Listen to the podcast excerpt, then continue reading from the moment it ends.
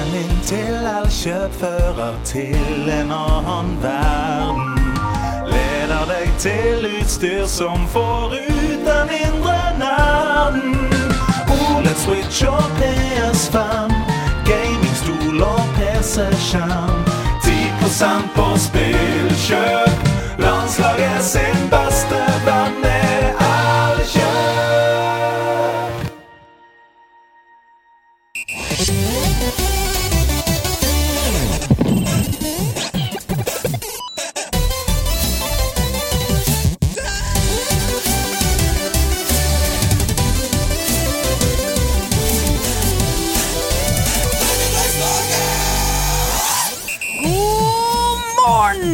sammen. God morgen, far og bror. God morgen, Andreas Hedemann, som sitter ved mitt sidebord. En gang til! En gang til! En gang til! En gang til! Bra catchphrase, eller? Det eller? er fantastisk. Det er jo det- the catchphrase of all catchphrases. Jeg tenker sånn, det er, Da gønner du i gang dagen. Ja, ja. Eller livet. Eller- middagen. Eller, Eller spillingen. eller legginga. Ja, Det kan det også være. En gang til! En gang til. en gang til uh, Jojoba har sendt Mhm. inn catchphrasen og skriver Dette er min datter på tre år sin nye catchphrase. Oh, det er fint! På godt og vondt. Ja. Fordi du har sikkert hørt Badebussen med Kjartan Lauritzen. Det er sånn NRK Supersang ikke- som går veldig Beklager. Er ikke, jeg er ikke målgruppa. Nei, jeg er det. Uh, veldig mange barn i Norge syns den er kjempegøy, Mm. fordi Kjartan sier 'Ikke lov å bade med tissen ute!' Eh.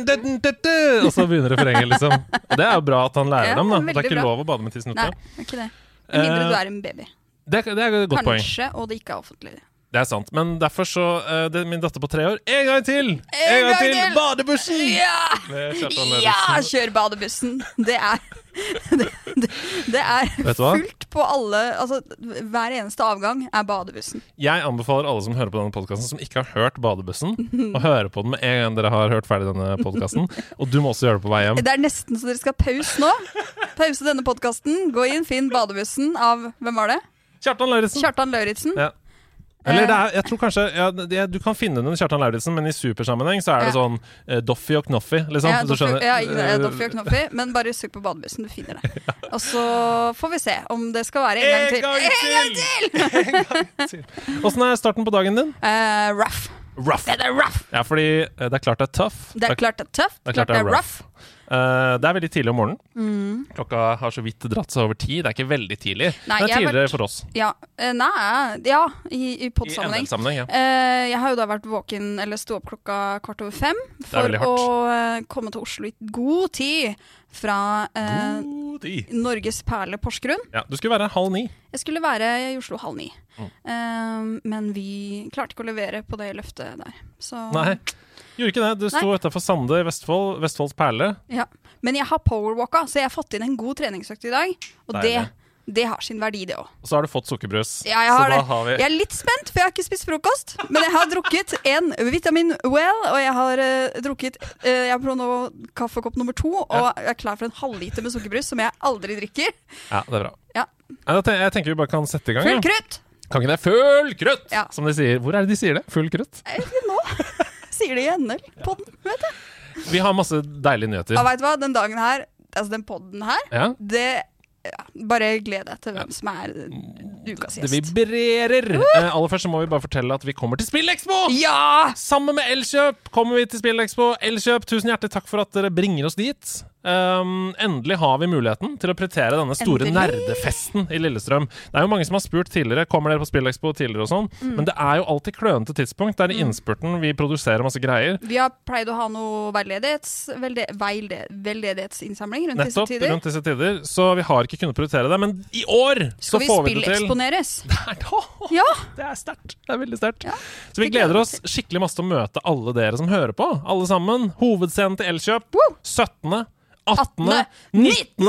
november. Vi er der alle tre dagene. Vi er der alle tre dagene. Og hvem vet, kanskje vi er der 20. også? Kan det. Hvis vi ikke kommer oss hjem. Det kan hende. Jeg bor rett ved. Så kan hende jeg bare blir Ja, der. Kan hende vi blir igjen Det er veldig trist å ha show når det ikke er noe annet Ja, show er der. Tom, tom sal. Men hvis det er nok publikum, så er alt et show! Ja, det er sånn livets show. Er det det du sier når du går på bussen? Hei, publikum! Velkommen til Idas Show. La meg høre en gang til! Nei, Vi kommer også til å være der på fredag, lørdag, søndag. Du kan komme til Elkjøp-butikken. Der kan du utfordre oss i 1v1 i Mario, i Overwatch, i Apex Legends. Alle tingene jeg ikke er god på. Masse mer. Yes. Vi kan utfordre Ida i Farming Sim. Mm, oi! Om å gjøre å treske i jordet. Det er three point turn. Three point turn raskest. Eh, vi skal ha gamingstolbyggerkonkurranse. Altså fra ingenting til ferdig stol, der Ja. hvor vinneren vinner stolen. Jeg vil bare tipse om at det ligger et uh, klipp på nett fra da jeg var med i en TV 2-serie og bygde en Ikea-skjenk sammen med bassisten i Olivers på tid. Hvorfor, hvorfor vet jeg ikke om dette? Jeg vet om det nå. Ja. Jeg skal se på det etterpå. Vi skal kjøre Skru opp lyden live. Vi skal ha Kahoot-quiz med salen. Vi skal gi bort masse flotte premier. Vi skal skyte T-skjorter i sånn kanon. Eh, det, det blir veldig, veldig gøy. Jeg gleder meg skikkelig. Jeg gleder meg. Før vi kommer helt i gang, så må vi også minne dere om at det er julesalg. Og det er julerabatt! i hele november på nederlandslaget.no. Du kan gå inn og bruke koden SPILLJUL, og så får du 14% rabatt i hele november, fordi det gikk ikke med 1337. Nei, og vi runder opp istedenfor ned, for Alltid. sånn er vi. Så rause er vi. Ja, Eh, du får 0,63% på kjøpet. yes. Det er årets julegave fra Ja. oss til deg. Men jeg tenker at det kommer godt med julegavehandelen, og det har vi merka. For den siste uka etter at vi sa dette med rabattkode, så har det eh, gått hett for lagersjefen. Altså det, vi kjørte pakker i går. Holy moly! Holy moly! Det er mange som vil ha julegaver. Så vi, vi begynner allerede å bli litt sånn lave på lagerbeholdning på en del ting. Så hvis du er keen på dette, så må du bare Kjøre på. kjøre på. Ja. Og apropos det, landslagsdrakten. Ja. Den er ute, folkens! Drakten! Vi snakka om det i forrige uke. Det er mange som har bestilt allerede. Det er jo kjempegøy, men vi ønsker selvfølgelig at hele Norge skal kle seg i sin egen nerdelandslagsdrakt og vise at de er på laget. Og Den finner du også. Samme nettbutikk. Nerdelandslaget.no. Har du noen tips angående størrelser der? Ja, de er litt små i størrelsen, sånn som de aller egentlig fleste eh, fotballdrakter er. Det er Den føles som en helt vanlig fotballdrakt. Det er samme type stoff.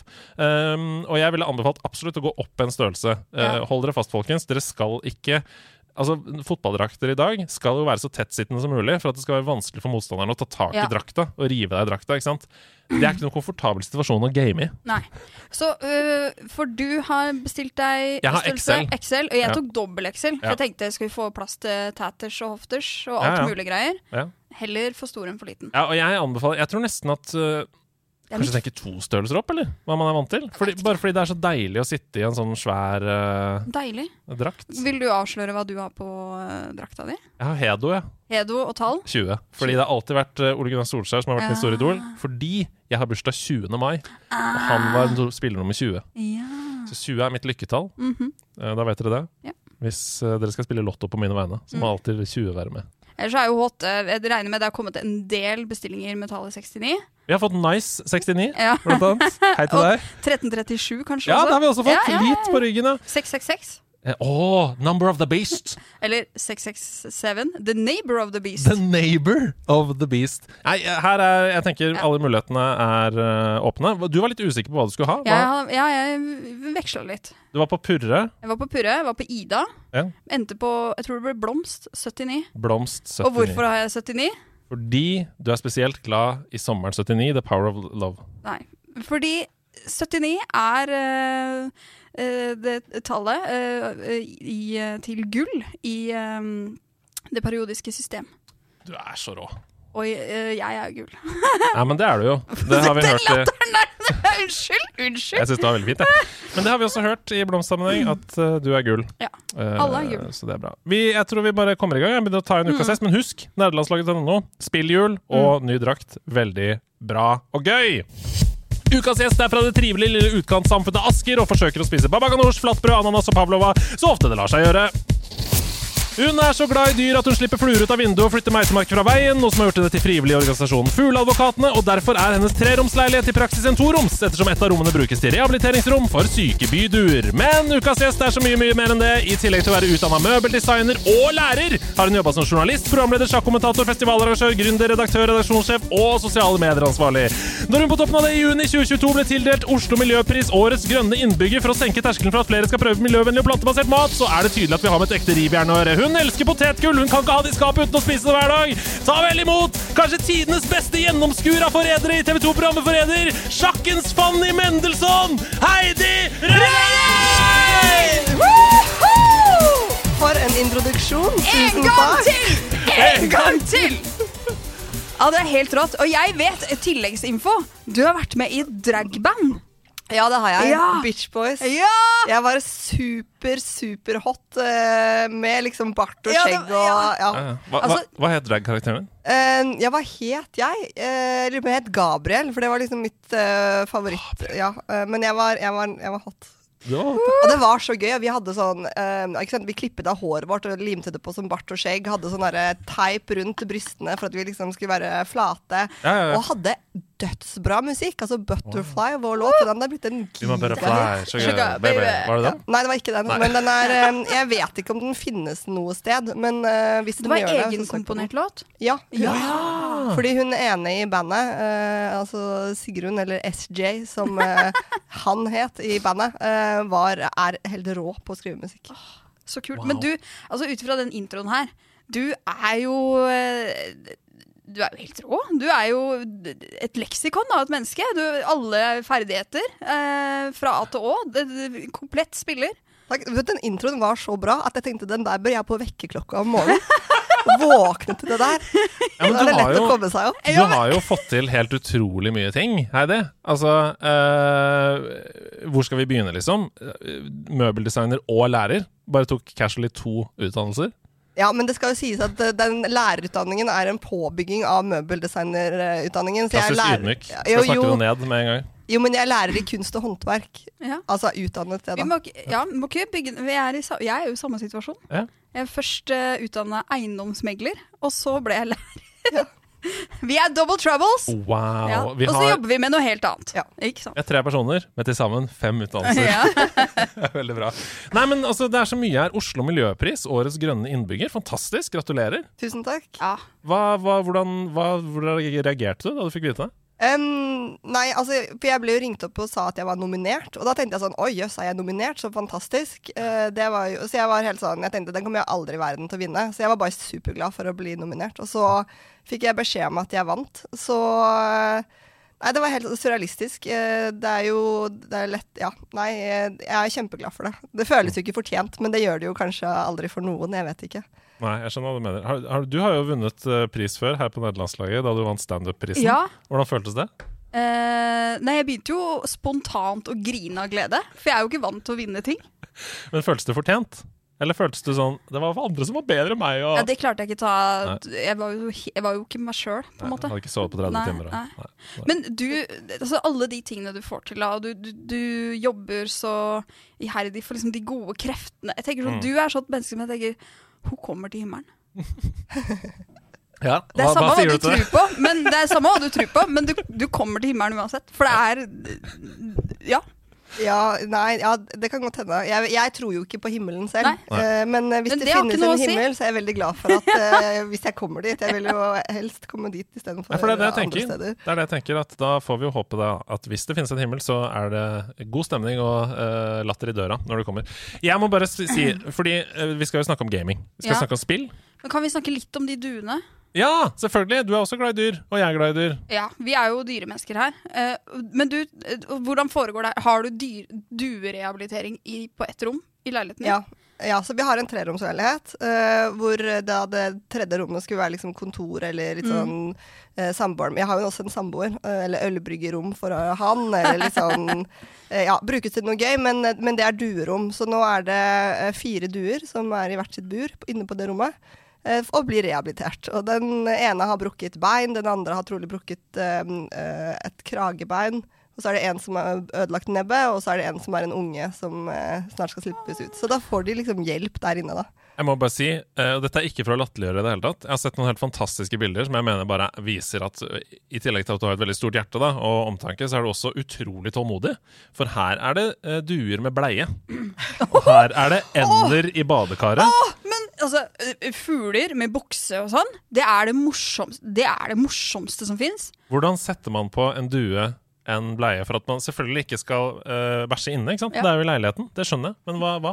Hvordan? Ja, du må jo da ta den over, altså ving, sånn at vingene er fri. Så du liksom trer den på en måte på bak, og så er De er jo sydd av folk som er helt fantastiske, som liksom syr på sånne klaffer, sånn at du fester det liksom over eh, nakken på en måte, og Ja. over eh, ryggen, og så uten at du må stappe vingene gjennom noe. Men jeg liker veldig godt at du sier at jeg er veldig tålmodig, fordi det jeg alltid får høre er han samboeren din, han må være veldig tålmodig. Og det er han. Eh, det er han. Eh, Anne Lindmo kalte han eh, Han må nok være Norges mest tålmodige mann, og det, det tror jeg. Fordi jeg finner på mye Finner på mye som jeg har lyst til å gjøre, og så er han stort sett uh, veldig positiv. Ja. Og det er jo, Vi snakker jo ofte om det i nederlandslaget, det å være veldig glad Altså være nerd i noe, da. På fugler, altså fuglerehabilitering, eller klær, eller uh, klokker, eller spill, eller hva som helst. Det fører jo til at man, hvis man er i et forhold, nesten må være to om det. Fordi det preger den andres liv også. Så det å på en måte løfte den personens hobbyer eller interesser, det er en viktig egenskap hos partneren. Føler du at du har masse gehør på den fronten? Nei, han er jo ikke så glad i, i fugl. Altså, han syns det er greit. Han er veldig glad i dyr og har alltid vært og jobbet mange år i Dyrebeskyttelsen og sånn. Men på lørdag morgen da han sto opp og krasjet i et sånt gigabur som sto i gangen, og kom inn på badet, og da var det to duer løs, så var han litt sånn Nå må vi ta en prat. Han er åpenbart veldig glad i deg, da. Om Ja. man ikke er så glad i duer. Ja, det er en, eh, vi, er flere, vi er veldig mange kvinner i Fugleadvokatene. Så um, min samboer Odd Harald og noen andre har gått sammen og laget en liten gruppe som heter eh, Menn som elsker kvinner som elsker duer. Å ja! Få det på en T-skjorte! Ja! Jeg vil være en del! Jeg vil være det! Camilla elsker duer nå! Ja. Jeg er en del av gjengen. Bra. Ok, Vi må komme i gang med gamingpraten. Eh, for du er jo en spiller på mange områder. Eh, og i hvert fall i det fysiske liv. Vi kjenner deg jo som sjakkspiller. Eh, og jeg googlet hva din rating på liksom øverste hva det vil si. Og da sto det Definisjonen var sånn Svært få sjakkspillere vil komme til dette nivået. Sto det. Så du er med andre ord veldig god i sjakk.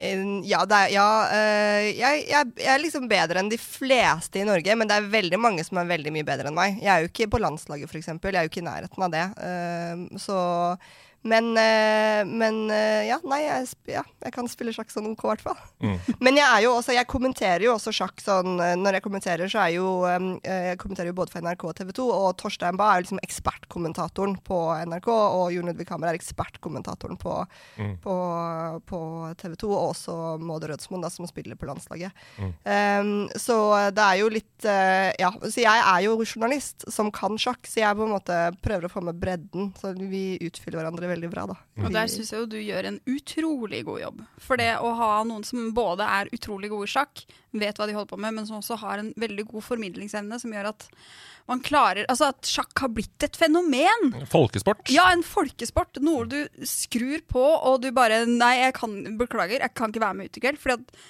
det er fortsatt uh, kamp her, og det er så spennende, og jeg må sende inn noen tweets og noen hashtags, og jeg må være med og foreslå et trekk.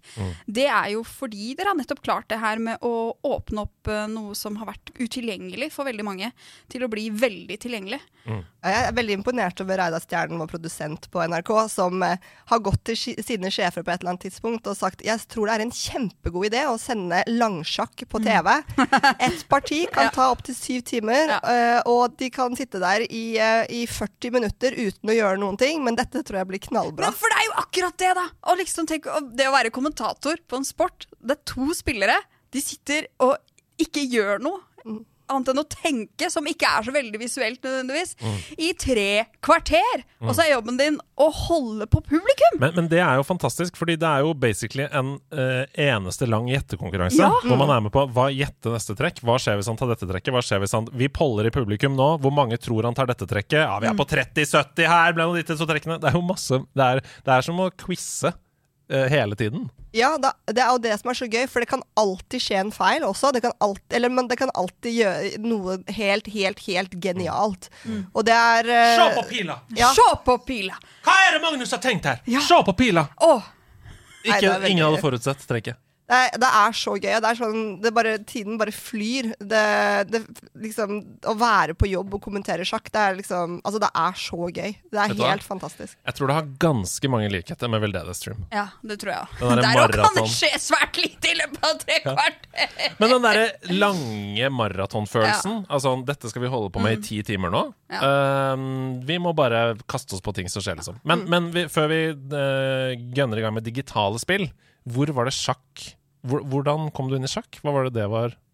Jeg begynte å spille sjakk mm, eh, Faren min lærte meg det da jeg var barn. Mm. Og så spilte jeg ganske Altså sånn Spilte en del med han, spilte Men jeg begynte ikke å spille eh, altså, Og spilte jeg litt på folkehøyskole og med venner, og vi var, jeg var på ferie en gang i Fiji, så husker jeg at jeg spilte mot en sånn eh, eh, sjakk Eller en lærer fra USA som spilte sjakk og sånn. Og jeg gjorde det alltid veldig bra, så jeg var liksom ganske god til å være Til å ikke hadde spilt noe som helst i klubb. Um, og så var det egentlig fordi Samboeren min eh, jobber veldig mye, så jeg trengte en hobby, for jeg hadde for mye fritid. Så da meldte jeg meg på Stjernen sjakklubb, som ligger rett oppi, oppi gata her, og ble helt sånn superhekta. Eh, Tapte alt jeg spilte det første halvåret, og vant vel ett parti eller noe sånt og halve året, året etter. Så, um, og da var det gjort. Da ble jeg helt sånn Jeg, jeg blir sånn um, avhengig av ting, og det er et litt sånn stort problem med Altså avhengig av spill, da, ikke avhengig av andre ting, men av spill. Så blir jeg helt uh, Jeg blir så utrolig inni det. Så det, det tok litt Sjakken tok litt over livet mitt på ja, på, et, på det meste så spilte jeg klubbmesterskap hver mandag, eh, tirsdag og torsdag, og ofte turnering i helgene, og trente sjakk på fredager. Som voksen, hvor du liksom også da skal ha en fulltidsjobb ved siden av, og prøve å tjene penger og betale leie og sånne ting. Men dette er det som skjer. Jeg bare synes det er så deilig at du sier fulltidsjobb ved siden av sjakken, ikke sjakk ved siden av fulltidsjobben! Det er helt nydelig. Ja, ja. Og dette er det som skjer når man blir eh, dedikert og ønsker å få til ting. Da blir det du er dedikert til, Ja. jobben din. Mm. For nå er det jo det. Du Ja. kommenterer på TV2 og NRK og tjener penger på det. Litt sånn som skjedde med nederlandslaget også. Ja. vi er supernerds. Nå jobber jeg med det, og vi har live-ting som gjør at vi andre kan jobbe delvis med det, osv. Og jeg jobber som gamingkonsulent. Ah, det er en deilig Ah, avrunding. Nei! Men OK, la oss gå inn i det digitale spillets verden. Hvor var det La oss spole tiden tilbake.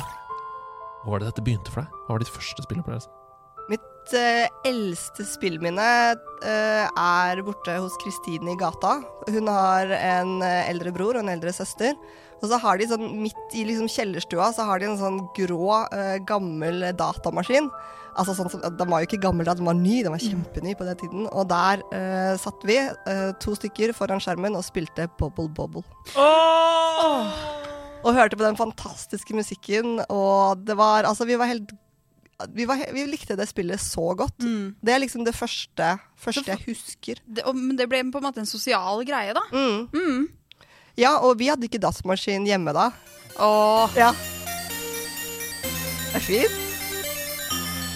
Det er nå. Å, nå smiler du fra øret til øre! Det er koselig! Ja. Det er En gang til! Ja. Det er fordi den musikken liksom bare tar, ta, meg tilbake, eller tar deg tilbake til der du var. Mm. Men vi hadde jo også sånn eh, Jeg husker jo vi kjøpte vår første Nintendo. Var det en Nintendo 8-bit? Den der Ja, grå Nes, ja. boksen. Mm, ja. Som du åpna foran og putta Ja. inn cartridge. Mm. Og da, så jeg spilte Men jeg, jeg klarer ikke helt å huske når den kom, eller når den kom ut, eller når Nei. Bubble Bobble var stort, eller hva som skjedde først. Vet Det som er fantastisk, er jo at nå skulle Stian vært her. For Bubble Bubble er sånn hardcore minne fra han av oppveksten. Eh, I Bergen så heter det Bubble Bobble. Bubble Bobble, vi spilte det! Eh, det heter ikke Bubble Bobble der, for de har ikke engelsk. De har bare De gjør ikke utenlandsk. Nei. Ehm, men jo, det er jo, dette glir jo over i hverandre. Bubble Bobble begynte jo som et arkadespill. Uh, ute liksom på 80-tallet. Alle har sett Stranger Things. En av de maskinene der er liksom Bubble Bobble. Um, og så kommer Nes rundt års Altså 80-90-tallsskiftet, da. Ja. Eh, så det er ikke noe rart at de eh, på en måte eh, blurra inn i hverandre, de to minnene for deg. Uh, for ting kom jo til Norge også mye senere enn det gjorde i resten av verden. Så det er, ikke, ja, det er ikke rart, det. Ja, for det var så Altså slutten av 80-tallet, begynnelsen av 90-tallet. Ja. Nei, for jeg husker vi hadde jo, vi hadde jo den Nintendoen, og, og spilte veldig mye Mario på den. Det var liksom eh, eh, det beste spillet. Men så hadde eh, moren min en god venninne som hadde to sønner, og de hadde helt sinnssykt mye Nintendo-spill Ja. som vi fikk lov til å låne. Ja. For vi hadde jo ikke så mye selv da. Uh, men eh, da fikk jeg låne Selda. Det aller første Zelda-spillet. det var kanskje det. Jeg vet ikke. Det er liksom, du går rett det er liksom, ikke sant, Sånn som man gjorde på den Nintendoen. Du går bare rett fram. Det er ingen andre veier å gå. Og så kan du gå inn i noen sånne borger, og så havner Mm. et nytt sted. Men eh, jeg kunne ikke engelsk så bra på den tiden. Dere hadde ikke utenlandsk, dere heller? Nei. Vi hadde det jo sikkert på skolen, jeg vet ikke. Men eh, jeg måtte hver gang eh, det ble sagt noe på Mm. Selda, så måtte jeg skrive det ned. Så måtte jeg løpe til faren min, og så måtte han oversette det til meg. Og så måtte jeg da gå tilbake og spille. Dette er gjennomføringsevne, Ja, stå-på-vilje, ja, ja. pågangsmot. Alle, alle vi andre vi bare trykka på alle piksler i hele spillet. Men du tenkte her må vi løse det på en annen måte. Nøkkelen ligger hos far! Ja! Nøkkelen til Seldas slott.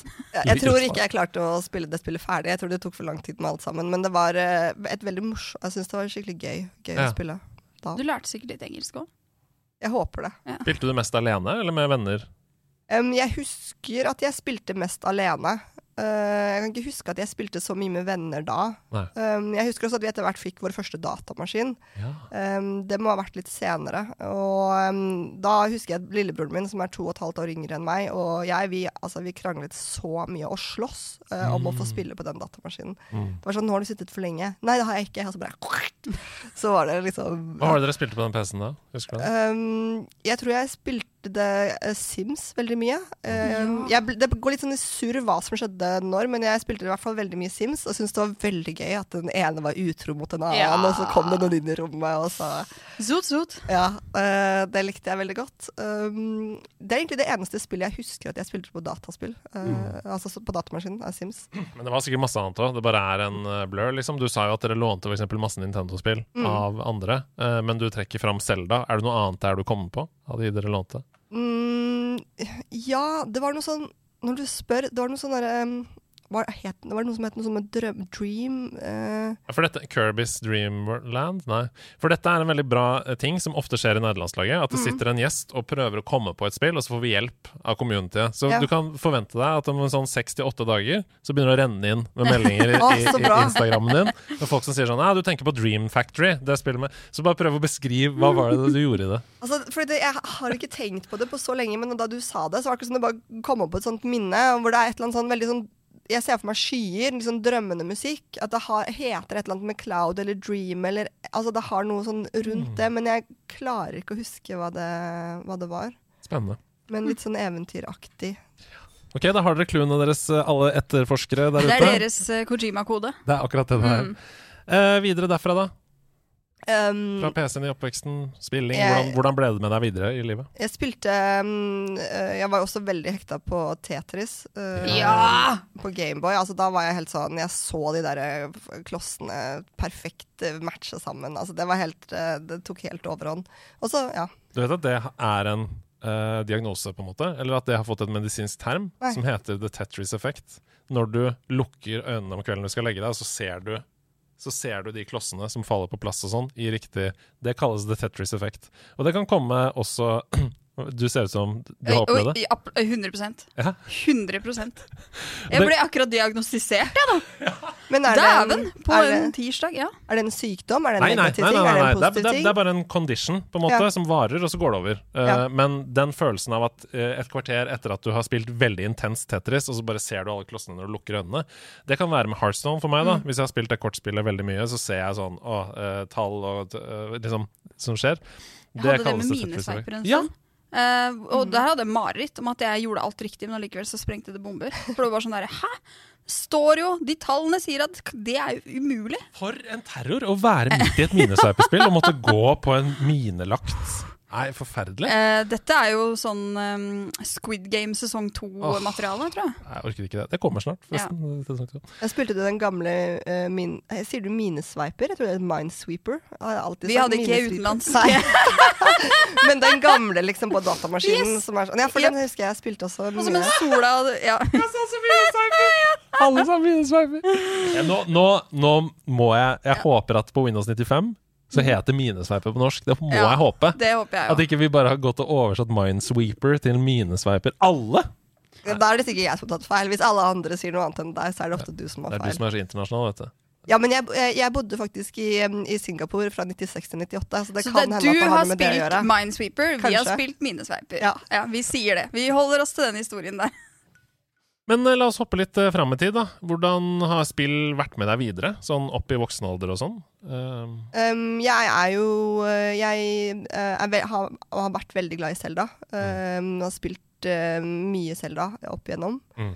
på, på Nintendo 64, på liksom eh, Nintendo 64, GameCube, øh, Wii. Ja. Og nå øh, kjøpte vi faktisk øh, Fordi samboeren min kom hjem for, altså for to uker siden og var sånn Nei, nå skulle vi bli gamere. Og så jeg bare OK. Yay! Og så var det nå skal vi ut og kjøpe en konsoll. jeg vil at vi skal kjøpe PlayStation. Så jeg bare eh, nei, vi skal ikke kjøpe PlayStation. Vi skal kjøpe Switch. Og fordi vi skal spille, eller jeg skal spille Zelda. Fordi jeg har jo altså jeg har et veldig manisk forhold til Selda. Altså blir, det er ikke bra. Uh, så jeg, jeg vet jo at det kom ut for en stund siden, men jeg har tenkt jeg kan ikke sitte inne hele sommeren, for jeg elsker sommer og jeg elsker sol. Så jeg kan ikke ha det spillet i hus før til høsten. Så um, nå, da kjøpte vi det for en og en halv uke siden. Det er også det derre It Takes Two. Har dere spilt det? Ja! Åh, det er fantastisk bra. Ja. Det årets, er så bra. eh, årets spill i nederlandslaget 2020. Er det det? Eller Ja. 2021. Jeg husker ikke altså, når det kom, men vi kåra det redaksjonen til årets beste spill. Hva er det dere liker så godt med det? Det er Oi, du liker det ikke, eller? Nei, for vi har en krangel hjemme. Fordi jeg elsker jo Selda, og Mm. jeg vil spille det. Så vil jeg at han skal se på at jeg spiller det på kvelden. Og han vil spille It Takes Two. Og så driver vi og krangler om uh, hva, hvor, hva er det beste spillet, liksom. Og så sier han nei, grafikken er mye bedre på It Takes Two. Jeg bare hæ? Du kan ikke liksom du, du kan ikke mene det. Altså, Selda er jo så sykt mye bedre, og så, nei, og så krangler vi masse. Så, Men- men- Det er jo to helt forskjellige spill med to helt forskjellige eh, mål. Ja. Tekstu Takes Two er jo så sinnssykt bra fordi det er så fin, fin måte å spille sammen. Der Mm. Du kan ikke klare ting i oppgaven aleine, puzzlesene aleine. Du må være to med hver deres eh, evner. Mm. Eh, men Selda er jo et fantastisk For du tenker på Tears of the Kingdom. Ja. og det er jo et fantastisk spill å spille aleine. Og Bare stoppe. Du, du du har ikke spilt Breath of the Wild? jo, Du jeg har spiller det, ja. også. Ja. Ja, men da lånte jeg av en venn. Ja, så bra. Mm. Nei, men kult. Ja, uh, Så nei, jeg, fordi jeg vet at dere sier at de to er for like, eller at Nei. noen kritiserer det for at de er for like, men jeg elsker begge to. Ja, vi elsker begge to. Brems. Eh, jeg syns ikke det i det hele tatt. Vi ga Tears of the Kingdom 100 av 100, og det er mitt Å, ja. favoritt-Zelda-spill gjennom tidene. Oi, så Så det, det Ja. Jeg mener, jeg mener at de har store forskjeller når Mm. det først kommer under huden. Men uh, Mitt er Windwalker. Wind Waker Wind Waker, Wind Waker, å, det er bra! Na, na, na, Fy søren, for et spill! Mm. Ja. Ah. Nei, men eh, jo, jeg tenkte jeg bare skulle si at pacingen i de to spillene som dere snakker om, er jo helt ulik. Altså um, It Takes Two er jo basically satt sammen av mange enkeltscener. Som det er eh, høyt tempo, høy dramaturgi Altså det, eh, det er sånn Nå er vi i en scene. Den har en avslutning. Så begynner vi på en ny scene. Den har en avslutning. Det er sånn eh, dopamin, dopamin, dopamin. Mens Tears of the Kingdom er mye mer din egen zen-opplevelse. Du går og utforsker litt her borte, og så er det plutselig veldig intenst i en periode. Og så er det lange perioder med ingenting. Og det kan det hende at han syns er litt kjedelig, da.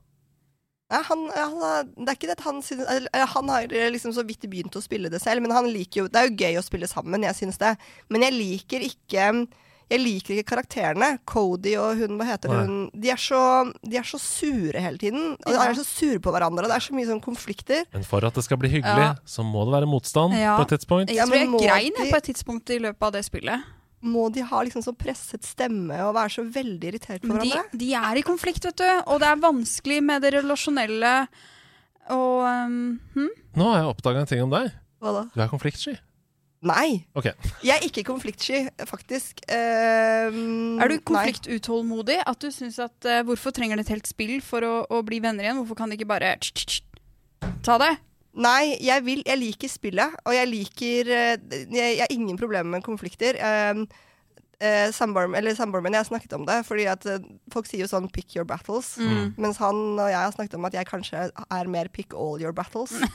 altså, pick, altså ta, velg alt. Pick all battles. Eh, men eh, det er bare liksom i sånn nære relasjoner-type ting. Ikke, ikke liksom Jeg har veldig lite konflikter generelt. Men, men jeg liker ikke Og jeg har ingen problemer med folk som krangler. Jeg syns det er liksom Mm. ikke gøy å høre på, men interessant. Men det er noe med det derre den der, det er noen metoden i spillet som jeg ikke liker. Og så Mm. Liker jeg ikke at hvis det er en boks der, og jeg ikke kan slå i den boksen, og så Ja. åpner den seg. Ja, for det For er jo Sånn som jeg kan i Zelda. Men, men jeg tenker It Takes Two og Zelda Tears of the Kingdom Det er, Jeg må bare gi honnør, i hvert fall fra mitt perspektiv. tenker jeg Her er det Dere har valgt to helt fantastiske spill å kjøre denne nye gamingsatsingen med, som er helt forskjellig. For det ene er lut, og, og du, det er en litt sånn eh, Ja, du må tenke på hvilket armor du skal ha, og du må tenke på Puzzles og Alt mm. mulig sånne greier. Puzzles er det jo i begge. Mens det andre så er det jo ikke noe lut. Jeg syns det var litt deilig, faktisk. Og så er det den uh, coop-opplevelsen. Jeg tenker Tears of the Kingdom, der har du mange, mange mange timer foran deg, mens It Takes Two er ikke så langt, så Mm. Men synd, for det er en ting jeg også ikke liker med It Takes Two. Nå, nå sier jeg bare de negative tingene, ja, for dere er så positive. Men Mm. egentlig så liker jeg veldig mye med det. Men den der første bossen, den derre um, Den derre redska... Altså den der verktøykassa, Mm. den er altfor vanskelig. Du kan ikke nok i spillet. Altså, det er noe med det der med Først har du en supervanskelig boss, og så blir det altfor lett, og så blir det altfor vanskelig. Ja. Altså, det er ikke hva? ja. Akkurat her kan jeg være litt enig med deg. Mm. Det er et utfordrende spill for nye spillere mm -hmm. uh, som ikke har spilt på en stund. Mm. Eller som ikke For eksempel, da, hvis du er to i et par hvor den ene har spilt veldig mye, og nå skal på en måte få den andre interessert i spilling, Mm. så er ikke Tekstu et bra sted å begynne. Det har vi noen ganger sagt før. Ja. Begynn, Ta med deg kjæresten din og begynn å spille It Takes Two. Nei, sier jeg nå. Ja. Fordi jeg har, jeg har revisitet det spillet. Det er for vanskelig. Ja, okay. Det er ja. for vanskelig for part 2 som aldri har spilt et spill Mm. før. Da er det bedre å begynne med Super Mario Wonder for eksempel, og spille sammen uh, Mm. der. Og så kan man gå over, fordi bare sånn noen av de tingene som er ren plattforming, det gjør at man bare faller ned og dør 100 ganger, hvis man er en helt ny spiller. da. Det er for vanskelig, men jeg er enig i at den, den dramaturgien i vanskelighetsgrad, eller det går for mye opp og ned, det varierer Ja. for mye, istedenfor at det er en jevn stigning, sånn at man Mm. lærer å bli det blir vanskeligere og vanskeligere. Og det sånn, ja, som er helt perfekt på det. Du blir liksom, du blir utfordret litt og litt og litt, og litt men det er aldri sånn derre Hva skjer nå? Vi sto jo skikkelig fast på den derre Vet du hva, her må jeg arrestere deg. Fordi det kommer litt an på hvilken rekkefølge du gjør ting i. Det er jo et open world-spill. Ja, det er eh, sant. og eh, uten å spoile for mye, så er det jo sånn at når man har kommet i gang etter de første to-tre timene av Tears of the Kingdom, så åpner hele verden seg, og du kan velge hvor du vil gå. Mm. Og hvis du da går til et av de stedene av de fire eller fem du kan velge mellom, så blir du Da blir du knust, altså, Ja. i starten. Det er sant, og det er jo en del av de grupperingene med de der monstrene rundt omkring, som hvor de monstrene er altfor vanskelige. Mm. Men da kan du løpe forbi. Men det kan du ikke Ja, i. It Takes Two. er Eller du kan gå et annet sted, det kan Mm. du ikke der. Ja, fordi hindringen er ofte miljøet selv. Mm. Her er det en avgrunn jeg faller ned, liksom, Mm. gang på gang. Ja. Hvis, ja. Så nei, vi sto fatt på den der billebossen. Klarte Mm. ikke å skjønne hvordan den eh, funket. Det tok egentlig litt tid. Og da eh, Jeg bare døde og døde og døde og døde. Jeg døde liksom fem ganger i minuttet. Og det er ikke gøy. Og en annen, det er også litt sånn dårlig med i Takes Two. at Det tar lang tid når, hvis begge dør, at det loader på nytt. Så, men eh, ellers et fantastisk spill. Altså. Jeg liker det også egentlig veldig godt. Jeg bare liker Selda mye bedre. Og tilbake igjen til tålmodighet, da. For her har du jo åpenbart tålmodighet hvis du dør fem ganger i minuttet over en lang periode og fortsatt spiller masse. Så Ja, ja. gir du en sjanse. Du gir en ordentlig sjanse. Altså, vi har spilt i timevis. Ja. Timevis. Så nei, det er, eh, det er Ja, det er, men det er de to spillene jeg spiller. Og så er det nok sikkert også fordi at jeg vil spille Selda, og så vil han spille i Takes Two. Derfor så Ja, det er litt urettferdig mot, uh, mot spillet. Da må dere bli enige om TV-tid. Ja. Skjermtid. Fordeling. Fordeling. Nå er, nå er det Heidi fra 18 til 20. Mm. Er du, er du klar for det? Uh, ja, ja, ja, ja, det er greit. Okay. Men han må jo ha med deg, da, for å få lov til å spille spillet han vil spille. Fordi it takes two, på en måte. Ja. Mm. Og det er et veldig, veldig bra konsept. Men ja, nei. Nei.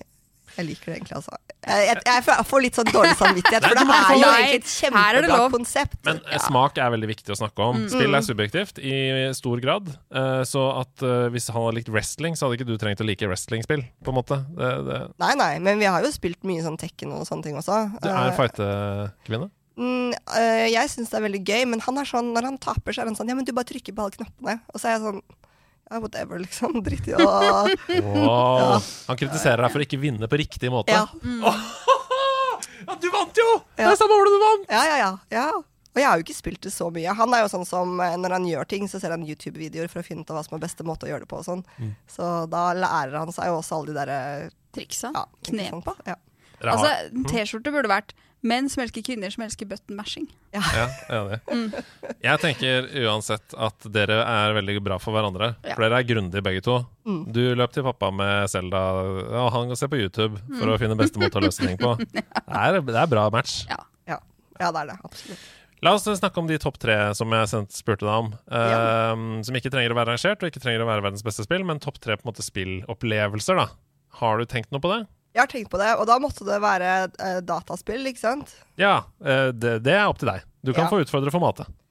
Ja, nei, for jeg spiller jo veldig mye andre Jeg spiller jo aller mest andre typer spill. Jeg Ja. spiller jo bridge og sjakk egentlig hver uke. Og så spiller jeg poker eh, flere ganger i måneden. Og for å få det på det rene, dette er 100% en del av nederlandslaget. Spill, brettspill og ø, fysiske spill er gaming. Det er gaming! Det er interaktive opplevelser sammen med for andre. 100% Vi opplever det som det. Så vær så god.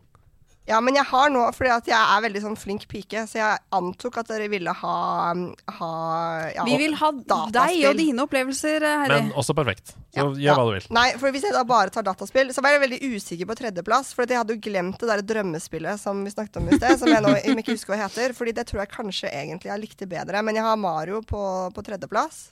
Det aller Eh. første Mario, Super Mario Bros, liksom. Eh, Nei, jeg tror kanskje den eh, på um, Mario på Altså enten på Super Nintendo eller på GameCube. Jeg er litt usikker. Der hvor du kunne bevege deg litt mer rundt. Da uh, lurer jeg på om det er Super Mario 3. Jeg lurer på om det er Super Mario Kanskje. World. Jeg lurer på om det er Super Mario Sunshine. Det husker jeg ikke. Det er, dette er mange år siden. Ja. Mange, mange år siden. En 3D 3D-miljø, liksom. Ikke liksom fullt 3D, men at du kunne løpe litt Altså Det var liksom ikke bare sånn på flat eh, Jeg vet ikke hva det heter. Jeg, på sånn Ja, flat Eh, eh, 2D, liksom. ja. Jeg, jeg, kan, høres ut som Super Mario World Ja, kanskje. Ja, på Super Nintendo. Ja, det kan stemme. Nydelig spill. Og så var jeg um, Altså Selda er jo selvfølgelig på førsteplass, det er jo ingen tvil om det. Men på Men er- andre Ja. Ja, nei, sorry. Jeg bare skulle spørre om det var et spesifikt Zelda-spill, men vi tar det når vi kommer dit. Ja. Eh, Em, jo, og så uh, på andreplass så har jeg Pokémon, det der på mobilen. Der hvor du gikk rundt og liksom kunne oh, fange Pokémon Go! Ja, ja hvor du kunne Altså, det, det var helt sånn da, jeg, da det ble populært for noen år siden. Og uh, den sommeren Altså, jeg gikk så mye Mm. rundt. Og det var helt sånn revolusjonerende at jeg kunne se ting som ikke fantes Mm. i utemiljøet uh, med min egen mobil. Og da jobbet jeg på NRK, um, så jeg hadde liksom fulltidsjobb. Og det var sånn Jeg gikk og syklet i sånn syv timer etter jobb. Jeg, liksom bare rundt og rundt og rundt. Du skulle hatche noe egg, og du skulle uh, Ja, det- raide og ene og andre. Og så var det sånn i starten så var det sånn at du kunne se på en eller annen nettside eller noe sånt, hvor det var u Mm. de ulike Pokémonene var. Så du måtte bare forte deg dit før de forsvant derfra. Så det Det drev jeg og holdt på med. Det er så grundig nok en gang. Ja, men det var så gøy. Eh, Det var så gøy, Men jeg var en idiot fordi um, da jeg startet, da jeg ble liksom medlem, eller da jeg lastet ned dette, eller jeg husker ikke hva vi gjorde, så, så registrerte jeg meg uten e-postadresse. Å nei. Fordi at Jeg vet ikke hva jeg tenkte, men jeg tenkte sikkert sånn jeg vil ikke at noen skal registrere noe Mm. på meg, eller et Mm. eller annet sånt. Eh, og så skjedde det et eller annet med mobilen. Jeg vet ikke om jeg mistet den, eller om den ble ødelagt, eller i hvert fall et eller annet. Så, så uh, hadde jeg hadde jo kommet kjempelangt, og så plutselig så måtte jeg starte på null. Tenk hvor mange kilometer du hadde lagt inn i det der. Åh, herre. Jeg husker ikke hvilket level jeg var, men det var liksom ganske bra. Så, Ja. Altså, jeg hadde brukt så mye tid på Ja. det. Så mange timer. Og da å begynne på nytt da, det blir litt sånn Jeg må bare si, Ja. jeg vet ikke hva jeg hadde gjort. Hvis jeg, hadde skjønt. Nei. jeg spilte Pokémon Go intenst på vei hit. Nå. Å ja, du er der enda? Om jeg er, ja! Ja, Jeg skal bli level 50. Eh, og nå er det sånn at det er eh, millioner med XP mellom hver level. herregud. Så det tar en måned å levele opp på noen. Ja. Med spilling, intens spilling hver dag. Hvor du timer lucky eggs til at Ja. du blir good friends med folk, sånn at du får mest mulig XP ganger Mm, to. mm. Sånne ting. Åh. Eh, og jeg elsker det spillet. Jeg synes Det er helt fantastisk. Og det beste med det er jo at det bidrar til bedre folkehelse. Det mener jeg at det gjør. da Eh, Det tvinger deg til å gå. Det, du hjelper ikke å kjøre bil. Da får du sånn You're go moving too fast! Mhm. Du må gå eller sykle eller være ute og bevege deg. Og det jeg, jeg tør påstå at det har gitt bedre folkehelse til en hel verden. Absolutt. Ja. Absolutt. Ja, for det er jo mye bedre enn å sitte hjemme og, og spille foran en skjerm og bare sitte i ro. For det har jeg gjort nå den siste uka. Jeg sitter jo bare hjemme og spiller og spiller og spiller. Og spiller og spiller. Mm. Og jeg blir jo ikke sunn av det. Det var jo mye bedre å spille Pokémon Go. Og liksom Men da må du rundt. ta ansvar for egen læring holdt på å si, og ta ti pushups mellom hver gang du skal ha en boss, f.eks. i Zelda. Er, gjør du det? Nei. Men uh, du kan gjøre det, hvis du uh, syns det er trist at du ikke er i form. Ja, men det, fordi det Jeg har faktisk et spørsmål til dere. Som jeg lurer Fordi det der med å balansere spillgalskap og Mm. livet generelt Kjempeviktig. Jeg sliter så mye med det, og det gjør at jeg også fordi eh, jeg er litt sånn misunnelig på dere som liksom spiller masse dataspill og har det så gøy med det og sånn, men jeg må holde meg unna, at jeg blir helt Altså, jeg, jeg blir helt sinnssyk, liksom. Jeg klarer ikke den balansen der. Det høres for meg ut som om du er en person som uh, er flink pike. og Ja. som er opptatt av Og det mener jeg flink eh, herre, flink pike, samme kjønn. Altså, Alle kan ha den egenskapen. Jeg kjenner meg igjen i det selv. Jeg er veldig opptatt av å gjøre ting etter Hvis vi har blitt enige om en plan, så er det vanskelig for meg å gå vekk fra den planen, f.eks. Uh, hva med å stille en timer som sier til deg 'nå må du slutte'? Fordi det er den ytre faktor som påvirker deg. Altså, du har f.eks. satt på 90 minutter nedtelling på mobilen din. Og når den piper, da må du gjøre en ting. Du må støvsuge, du må gå en tur i nærområdet. Du må, altså, du må sette en eller annen regel for deg selv da, som gjør at du føler deg bedre, fordi det er noen andre som har fortalt deg hva du Ja, det er en veldig fin ting i teorien, men det, det, det du må jo ha den selvkontrollen da, til at du faktisk gjør det. ja, men Det er derfor jeg spør, for jeg føler jo at du egentlig har det. Men slumrer Jo. du bare alarmen, da? Eller? Nei, men det er bare fordi jeg har så lyst til å spille. Jeg har mer lyst til det enn å være sammen med venner. Er lyst, altså, vi kjøpte jo det helgen, altså for en og en halv uke siden. Og på mandag morgen så våknet jeg og tenkte sånn Ja, jeg er frilanser, ikke sant, så jeg liksom eh, jeg, Ja, jeg kan bestemme litt selv. Så var jeg sånn Trenger jeg egentlig gå på jobb i dag? Eller kan jeg bare sitte hjemme og spille hele dagen? Og det er ganske farlig. Liksom. Ja. Og da klarte jeg heldigvis å komme meg på jobb da, og jobbe. Og så liksom jobbet jeg kjempefort for å bli ferdig med alt jeg skulle gjøre, for å komme fortest mulig hjem, for å kunne bare Belønning. spille til jeg skulle legge meg. Men kan du bruke gulrotsystemet, da? At eh, spill er gulrota, liksom? Eh, du må gjøre de og de tingene først, og så kan du, eh, kan Ja, du det kan jeg gjøre. Men da, hva med liksom sånn Har dere venner? Har dere familie? Har dere ja. andre ting i livet deres, liksom? Absolutt. Spill er et kjempekraftig kulturuttrykk. Vi har snakka om Mm. det før. Det er mye kraftigere enn TV, film, musikk, fordi Mm. det er du som tar opplevelsen. Det er du som føler mestring, og det er du som får eh, masse eh, endorfiner når du får til ting osv. Så, videre. så det gjør at man blir uh, lettere hooka på det. Mm. Det betyr også at det er vanskelig å skru av. Men det hadde vært veldig trist om vi hadde julaften hver dag. Om vi fikk pakker hver eneste dag. Det hadde vi ikke satt pris på når det skjedde. Så for at du skal fortsette å være glad i spill, så må du begrense det også. Hvis ikke så kommer du til å slutte å være glad i det. Så tror jeg det er en Man opparbeider seg en sånn uh, toleranse. I hvert fall jeg opplever det at uh, jo mer Jo oftere du har klart å rive deg løs fra den sinnssyke eh, Altså suggerende opplevelsen av å være helt hekta inn i et spill. Jo oftere du klarer å løsrive deg fra det, jo enklere blir det. Men også tenker jeg Nå er jeg litt djevelsen Eller litt Ja. eh, På at jeg tenker noen ganger når man Hvis ikke det er for ofte, da, så skal man kanskje tillate seg sjøl å forsvinne helt og holdent i et spill til man blir ferdig. 100 Elden Ring, ja. Zelda Masse eksempler på tidspunkter hvor det kommer et storspill som man har gleda seg til lenge. Ja. Hvis man tilrettelegger for det i livet sitt, gi beskjed til familie og venner om at nå er det en periode hvor dette er veldig viktig for meg, Mm. eh, og du har tilrettelagt alt, du har gjort alt husarbeid, du har fiksa lekser på skolen, du har gjort ferdig jobben du skal, og så bare forsvinne inn i en verden i en uke, liksom. Oh. Uten dårlig samvittighet! Ja. Uten å våkne og tenke «Å, I går var jeg bare inne, jeg fikk ikke til noen ting. Du fikk til masse! Du kom deg til Hyrule Field! Å, ja. Du, du fant ti eh, sånne Koroks. Mm. Du fikk de masse i går! Eh, det er viktig. Jeg tenker sånn å, å, ta, å lage rommet for seg selv òg, Ja. Jeg tenker én uke er greit, men det er liksom sånn hvis det blir måneder. Altså, Ja. Det er litt mer Ja, det der, da, må du, da, vil, du- da må du ringe Spillavhengig Norge, Ja.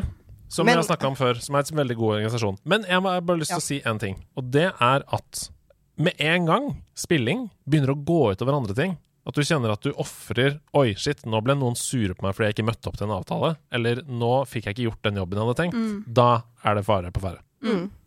Ja, for det er veldig lett å tenke at spillproblemer handler om penger. Altså at du spiller bort penger. nei. altså, men det Nei, nei, er jo mye mer, ikke sant. Og, det er, Mm. og jeg er jo jeg, er, altså jeg blir helt hekta på spill, og, og jeg elsker spill. Jeg har det så mye gøy med det.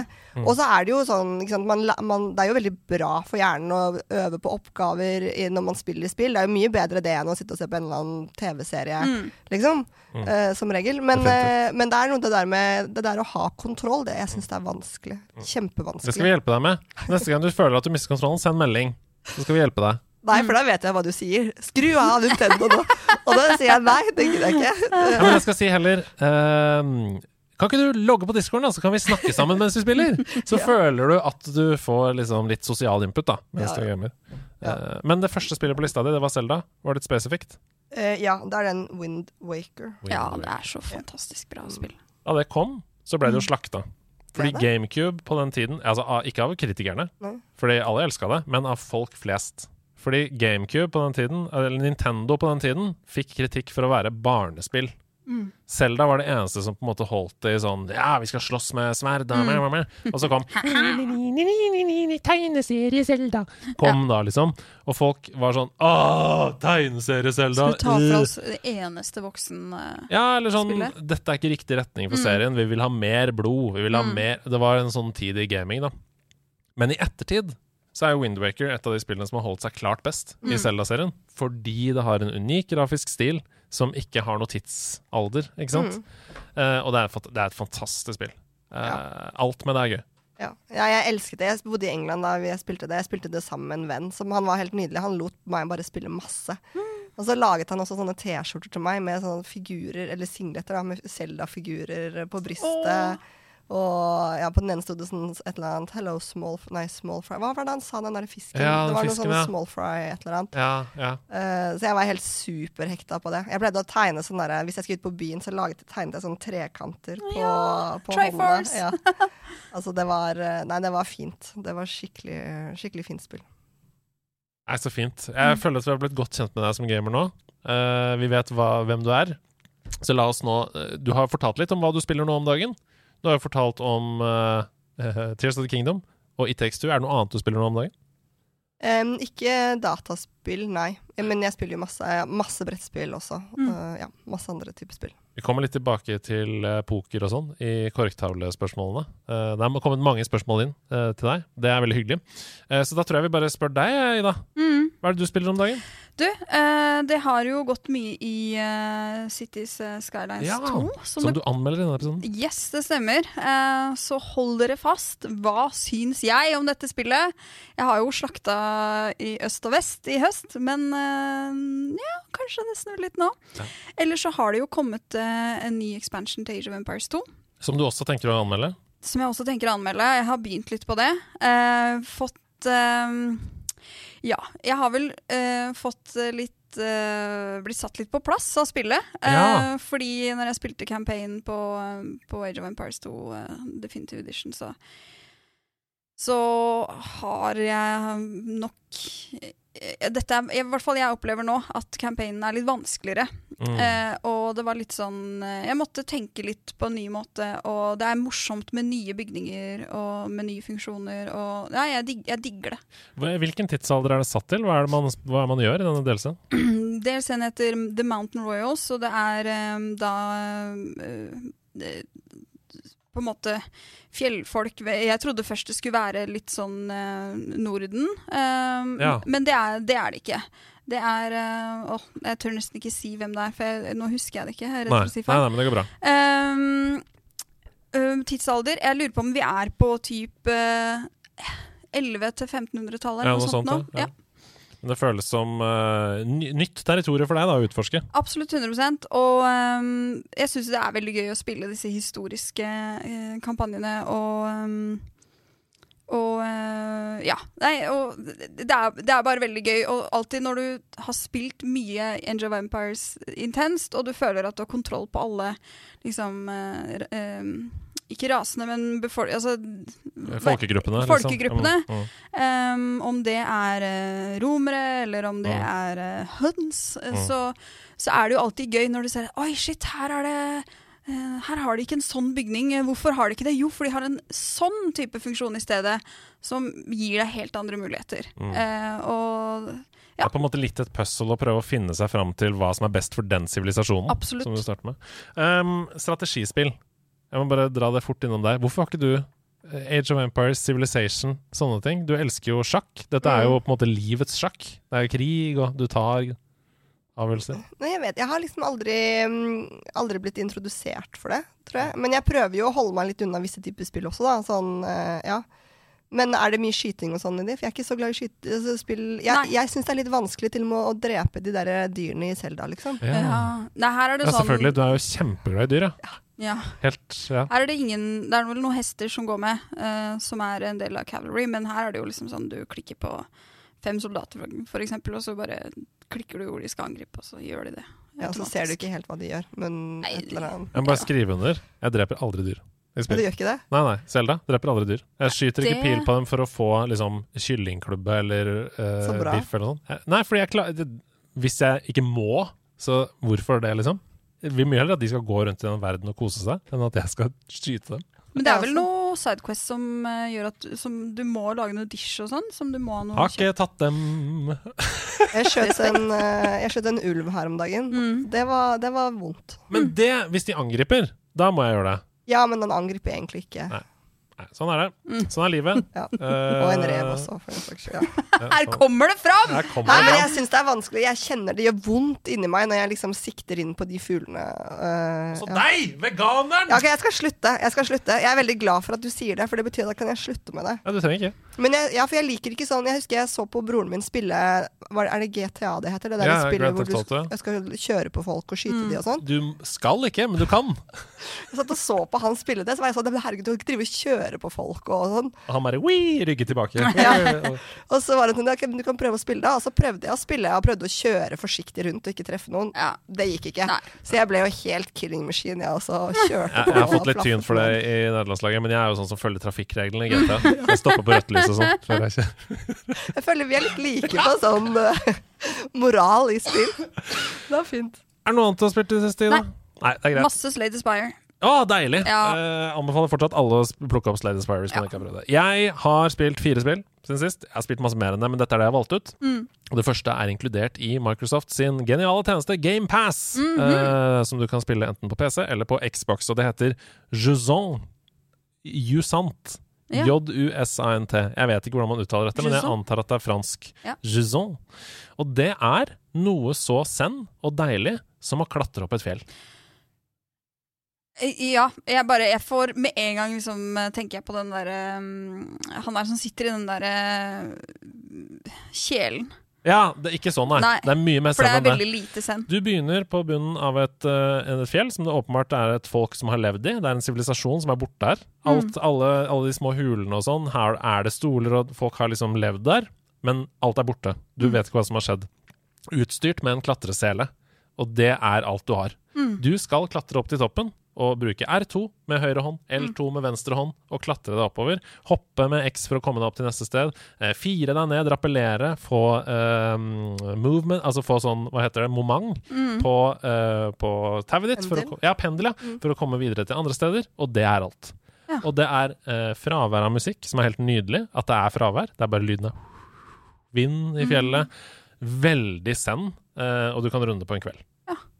Så hvis du har GamePass og har lyst på en zen-opplevelse à la Journey, à la Flow, à la sånne spill, Jusant, eller Jusant, uh, klatre opp fjellet, finne ut hva som har skjedd. Men hva er motstanden? Eller er det, det er det er jo at det er liksom vanskelig å klatre, da. Ja, Du kan falle ned og dø, Ja. for eksempel.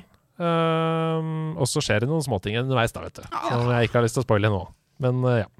Så jeg har spilt eh, Gran Turismo 7, et spill jeg elsker. Jeg ga det en veldig høy karakter da jeg anmeldte det. Og grunnen til at jeg har spilt det, er fordi de gjør det som vi elsker med spill, og som altfor få gjør.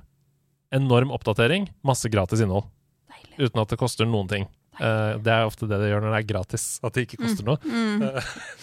Men ut av ingenting da, så kommer det sånn Her er en enorm update. eh, masse nye modes. 50 nye lisenser. For de som spiller Gran Turismo, så vet du at license er noe av det morsomste jeg vet. Som er sånn Kjør gjennom disse kje- kjeglene innenfor denne tiden, eh, og så får du gull, sølv eller bronse. I Gran Turismo 6 så var det ikke engang 50 lisenser totalt. Nei. Nå har de bare lagt på 50 til, på toppen av alle de enormt mange som ligger der fra før. det er plettmat, det, da. Altså, det er så gøy. De har begynt med noe som heter Weekly Challenges, som er sånn at du må klare seks forskjellige løp uh, i løpet av, som er i spillet, da. I løpet av en uke. Hvis du får det, så får du bonus, eh, forskjellige premier, som er fantastisk, for det gjør at du spiller alle de løpene som du egentlig ikke har prioritert. da. Fordi det ligger jo en weekly challenge. Veldig bra. Masse ting som er bra med det spillet. Skulle jeg anmeldt det på nytt nå, så hadde jeg fått 100 av 100. Det er dritbra. Gran Turismo 7, hvis du har det, så gå tilbake og spill det. Så har jeg begynt på Spiderman 2. Du har begynt på Spiderman 2. Begynt på Spider-Man 2. Ja. Det er så å si ingen andre spill, tror jeg, og spillselskaper som lager bedre det vi kaller for set pieces i spill, enn det Insomniac gjør. Altså Da mener jeg en regissert opplevelse. Mm. du skal gå denne veien, og du får litt som i Takes Two. Eh, hvis du er på dette tidspunktet på det, så skjer det. Ikke sant? Du opplever at du er med i en slags koreografert spillopplevelse. Det er ingen som gjør det bedre enn Insomniac. Spiderman 2 sin åpningssekvens er helt sjuk. Det er sånn Hvis du liker den typen actionspill, eventyrspill, uh, God of War, slåssing og sånn, og kommer inn i det spillet og ikke er hekta etter den åpningssekvensen, så er det ikke spillet det er noe feil med. Det, det er deg. Ja, eller da er du på en måte ikke klar for det da, da. Da Mm. bør du spille noe annet, liksom. Fordi det blir ikke bedre da, enn det. Eh, uten å spoile for mye, så er det bare sånn det involverer hele New York. Du flyr rundt, det er en svær fiende som du må ta ned. Uh, det er sømløs overgang mellom to forskjellige Spidermans som du må spille som. Det bare Du plutselig Ja, uh, spoiler alert av de første fem minuttene av Spiderman 2. Hvis du ikke har spilt det enda, og har tenkt å spille det, kan du hoppe 20 sekunder fra nå. Og der er vi i gang. Yes. Du får wingsuit. Ja. I en av de første framesene i spillet, liksom. Så det er bare sånn La oss prøve denne nye teknikken. Trykk på trekant, fuff, og så flyr du av gårde, liksom. Åh, jeg får gåsehud. Så det er et fantastisk spill. Uh, og helt til slutt så må jeg bare nevne The Finals, som jeg har snakket om i to uker på rad her nå. Nytt uh, skytespill uh, som var free to play fordi det var i åpen beta. Spilte sammen med Hasse. Spilte sammen med Lady Poo. Føles som en blanding av Fortnite og Valorant og CS og alle de spillene. Den åpne betaen er nå stengt. Det betyr at de som hører dette, kan ikke gå og teste det. Mm. Uh, vi vet ikke når det spillet lanseres, men jeg har kost meg veldig, altså. Mm. I den åpne betaen. Jeg har stor tro på det spillet når Åh, det kommer spennende. ut. Tror du skal det kommer i år eller neste år? jeg tror det kommer neste år. Ja. Nei, vent, da! De, de har sagt desember. Men uh, det kommer jo litt an på tilbakemeldingene på betaen, da. Mm. Som de har fått nå. Det, Om du det, må patche mye. Og... ja, for det trenger flere moduser. Ja. Det trenger flere klasser for å holde seg i lengden. Mm. Jeg har vært veldig imponert over det jeg har sett så langt. Vi skal snakke mer om det i nyhetsspalten. Men aller først, Heidi, det er din spotlight. Ha med, ha med dag, hei, hei. Ha med, ha med dag. Ha med ting etter ditt behag. Heidi, hun er her. Ja, hun er her! Hun har på seg klær. Hun har på seg klær! Det er heldigvis, selv om vi kommer i lydfil. For Heidi, hva har du valgt å ta med deg inn i dag? Er det en kniv, eller er det en sag? For det denne har med ha-med-dag. Jeg vet ikke hva du har med i posen din. Pose. Men jeg lurer på om det kanskje er noe veldig fin. Er det en ekte Pokémon som du har funnet i Pokémon Go? Eller er det en fight-type low? For det jeg har med deg. Hva har du tatt med deg på å ha-med-dag? Jeg syns den oppgaven var så vanskelig. Fordi jeg tenkte hva skal jeg ha med meg? Uh, så jeg har endt uh, opp med å ta med et brettspill. Oi! Og så Ja. håper jeg at det er lov. Ja, ja, ja, ja, ja. Folk har hatt med seg en egen korktavle som de har Ja. hengt opp ting på her. De har hatt med seg fysiske ting, de har hatt med seg mental tips. Altså ting som ikke er fysisk engang. Men, Jeg, har Ja. tatt med et spill som eh, var, ble kåret Nei, ble, var nominert til et av flere årets spill i 2007. wowzer! Nå er jeg skikkelig Eh, spent. Men som mitt inntrykk er at det er veldig få som har spilt. Ja, det er så bra! Det er så bra! Er, hvor får du kjøpt det? Jeg har sett etter det i butikkene, og hver gang jeg er hjemme hos mamma og pappa, så spiller vi dette spillet. Det er så gøy! Når jeg har hypa det opp, hva er det du har med i dag? Dette er spillet Dilemma. Og det er så bra! Og på engelsk så heter det Det vet jeg ikke. Det Dilemma. Dilemma. Kanskje det samme? Nei, eller det heter noe annet på norsk, tror jeg. Det står altså Cappelen Dilemma, og ikke for å fornærme spillet, men det ser ut som en litt sånn tidlig 2000-tallsestetikk på Ja. grafikken, så det er ikke helt nytt dette her. Du sa årets spill 2007. Eh, nominert. Ja. Nominert til årets spill 2007. Så det er jo Dette er et spill som eh, eh, Ja, som er Det er ganske vanskelig å få tak i det. Jeg vet liksom Men det er helt, helt fantastisk. Det går ut på at alle sitter med hvert sitt lille brett. Og så er det, eh, er det forskjellige sånne mm, liksom brikker som du skal sette sammen. Ja, det ser ut som uh, fargeblyanter i gul, rød, blå, grønn osv. med tall på. Og så er det om å gjøre at du skal få sammenhengende stripe med f.eks. bare seksertall. Og når brettet da er ferdiglagt, hvis du har fått bare én farge på én stripe, så hvis du f.eks. har fem seksertall etter hverandre, så får du da fem ganger seks Ja, poeng. 30 poeng, ja. Ja. Så er det om å gjøre å få flest poeng, og så er det jo flere brikker enn det er plasser på brettet. Ja. Sånn at det blir liksom dilemma blir etter hvert hvor skal du putte disse brikkene. Hvordan kan du ødelegge for motstanderen din? Det Nei, det får du ikke gjort. Men eh, det er jo også får du i tillegg uh, Er det ikke sånn at du får øh, poeng etter farge også? Ja. Så hvis du har um, samme farge eh, på linje, så får du poeng for det også. Så til slutt så blir det sånn herre OK, jeg har to hull igjen i, i brettet mitt hvor jeg kan legge to brikker. Hvilken av liksom disse poengrekkene som jeg har spart opp nå, skal jeg ødelegge for å kanskje innfri noe annet? På engelsk så heter det 'take it easy'. Oh, ja. Mm. Men det, altså for et, det er et fantastisk morsomt spill, altså. Det er så bra. Det. Og jeg liker det du sier med hvordan kan du ødelegge for motstanderen. Fordi jeg har hørt, jeg vet ikke om dette er sant, dette vet kanskje dere, men at, at spill som er utviklet i USA, handler mye om å liksom ødelegge for hverandre. Mm. Men spill som er utviklet i Europa, handler mer om sånn du bare driver med din egen ting, og Mm. så er det hvem som vinner til slutt, liksom. Og jeg kan ikke spille spill hvor man ødelegger for hverandre. Ikke jeg heller! Nei! Vi er helt like! Jeg hater det! Jeg tenker sånn Fall Guys, for eksempel. Da. Ehm, eh, eh, Stian, som satt her, han sa det spillet kunne bare vært bedre på én måte, og det er hvis alle hadde balltrær, sånn at de kunne slå hverandre ut av banen. Jeg var sånn, Hva er det du snakker om? Det er det verste jeg kan se for meg at skjer med det spillet. Ja, for jeg, har, jeg har jo spilt Risk, for eksempel. Altså, oh. Hvor du liksom angriper hverandre. Risk, Altså, det spillet, det kan, jeg kan ikke spille det. Det er på min liste sånn det der kan, altså Hvis jeg ser det, jeg kan ikke spille det. Altså, det er helt klikkorama i hodet. Jeg har så lyst til å spille Risk med deg. Nei, nei, du vil ikke det. Det ødelegger er forhold for alltid. dødstrusler. eh, Det, så det er eneste gangen jeg får dødstrusler, er jo under Risk. Ja, jeg skal drepe deg, liksom. Ja, du skal dø. Og jeg skjønner jo at det ikke er, det er jo ikke ekte, og det er ikke nødvendigvis personlig, men det er litt personlig òg. For man blir så engasjert, og man er så langt inni det, og det er bare Men, fuckings okay. terningene. Ja. Sjakk, da. Da skal man jo ødelegge for motstanderen. Eller føler du at du spiller ditt eget spill? Ja, jeg føler at du, spi at du spiller mye mer ditt eget spill, ja. Altså Selvfølgelig du reagerer på det motstanderen gjør, men sånn som på Risk, for eksempel. Jeg spilte det på hytta en gang med, med samboeren min. Det var bare vi to som var der. Og jeg hadde en kjempearmé som han skulle liksom angripe med sin bitte lille drittarmé. Unnskyld språket. Eh, og triller da sekser på seksere på seksere på seksere. Og min armé blir bare helt liksom Ja. Når du sitter der bare to igjen på hesten, én Ja. igjen på hesten, ferdig. Og Helt det er krise. for da er det jo tilfeldig òg, da. Det er bare terningen som avgjør. Men de blå Ja. terningene er De må være loaded, for det er jo helt utrolig hvor Altså, David og Goliat, det der kan være noen ganger. Jeg ble helt, altså jeg ble helt sinnssyk. Jeg bare, det bare snappa i hodet mitt. Jeg tok de der bitte små soldatmennene. Jeg bet hodet av de mennene. Pælma det inn i peisen. De brant opp der. Jeg tok brett og slang det på gulvet, så det gikk i to. Og samboeren min satt helt sånn i ro med hendene på bordet, liksom.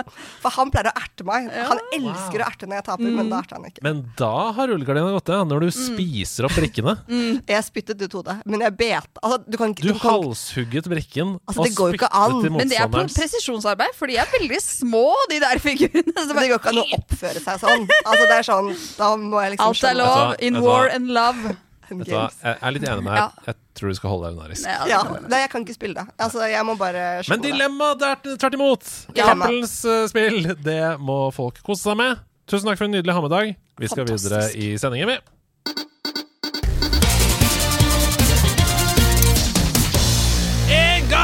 Til! Mitt navn er Andreas Hedemann, og dette her, det er Nerdenytt. Vi skal aller først helt eh, rett borti gata her, vi, eh, Hyper Games, som ligger i Oslo. Vi har snakka om det før, og vi er fortsatt superduper stoka på det vi tror kan bli den neste store spilleksporten fra Norge, nemlig Snufkin, Melody of Moomin Valley, som er et musikalsk eventyrspill basert på Tove Janssons bøker om Mummitrollet. Nå ser det ut til at det er langt, langt flere enn oss som er gira, for under Steam Next Festival var det nemlig mulig å laste ned en kort demo av spillet, og Hyper Games kan melde at over 30 000 spilte demoen den ene uka den var tilgjengelig. Det skriver gamer.no. Are Sundnes, som er daglig leder i Hypergames, forteller at de har fått utrolig gode tilbakemeldinger på demoen, at det er stor pågang av folk som har wishlistet spillet på Steam, og at spesielt det japanske publikummet tar litt av. Hypergames har også avslørt at spillet vil ta ca. 7-8 timer å komme gjennom. Perfekt, tenker jeg. Snufkin, Melody of Moomin Valley kommer på PC og Switch i første kvartal 2024, og på mobil i løpet av året. Å ja! Skal vi dømme etter demoen, så er det bare å glede seg. Vi skal ut av landet. Xbox følger etter Nintendo med forbrukerfiendtlig praksis, når også de nå har bekreftet at de kommer til å blokkere alt ikke-lisensiert utstyr på Xbox, akkurat sånn som Nintendo. Det vil si tredjepartsutstyr som headset, mikrofoner, ratt og pedaler som har blitt produsert uten samtykke fra Microsoft. Det blir nå umulig å bruke på konsollene. Det skriver pressfire.no. Allerede så har diverse ratt og pedaler blitt stengt ute, og utstyrsleverandører har gått ut og beklaget til sine kunder, da de åpenbart ikke var informert om dette i forkant. Flere spekulerte offentlig i at dette ville hindre tilrettelagt gaming. Blant annet vår egen Arevia, som har snakket om dette i nederlandslaget tidligere. Altså at ikke-lisensiert utstyr som de med funksjonsutfordringer benytter seg av, også ville bli blokkert. Nå har heldigvis Microsoft presisert dette litt nærmere og sier at alt utstyr som kobler til deres Xbox Adaptive Controller, som er en sånn hub som lar brukerne splitte opp en controller, sånn at knapper og stikker og triggere kan separeres ut og håndteres sånn som man vil, de kommer ikke til å bli berørt. Det er godt å vite. Uavhengig om de er lisensierte eller ikke.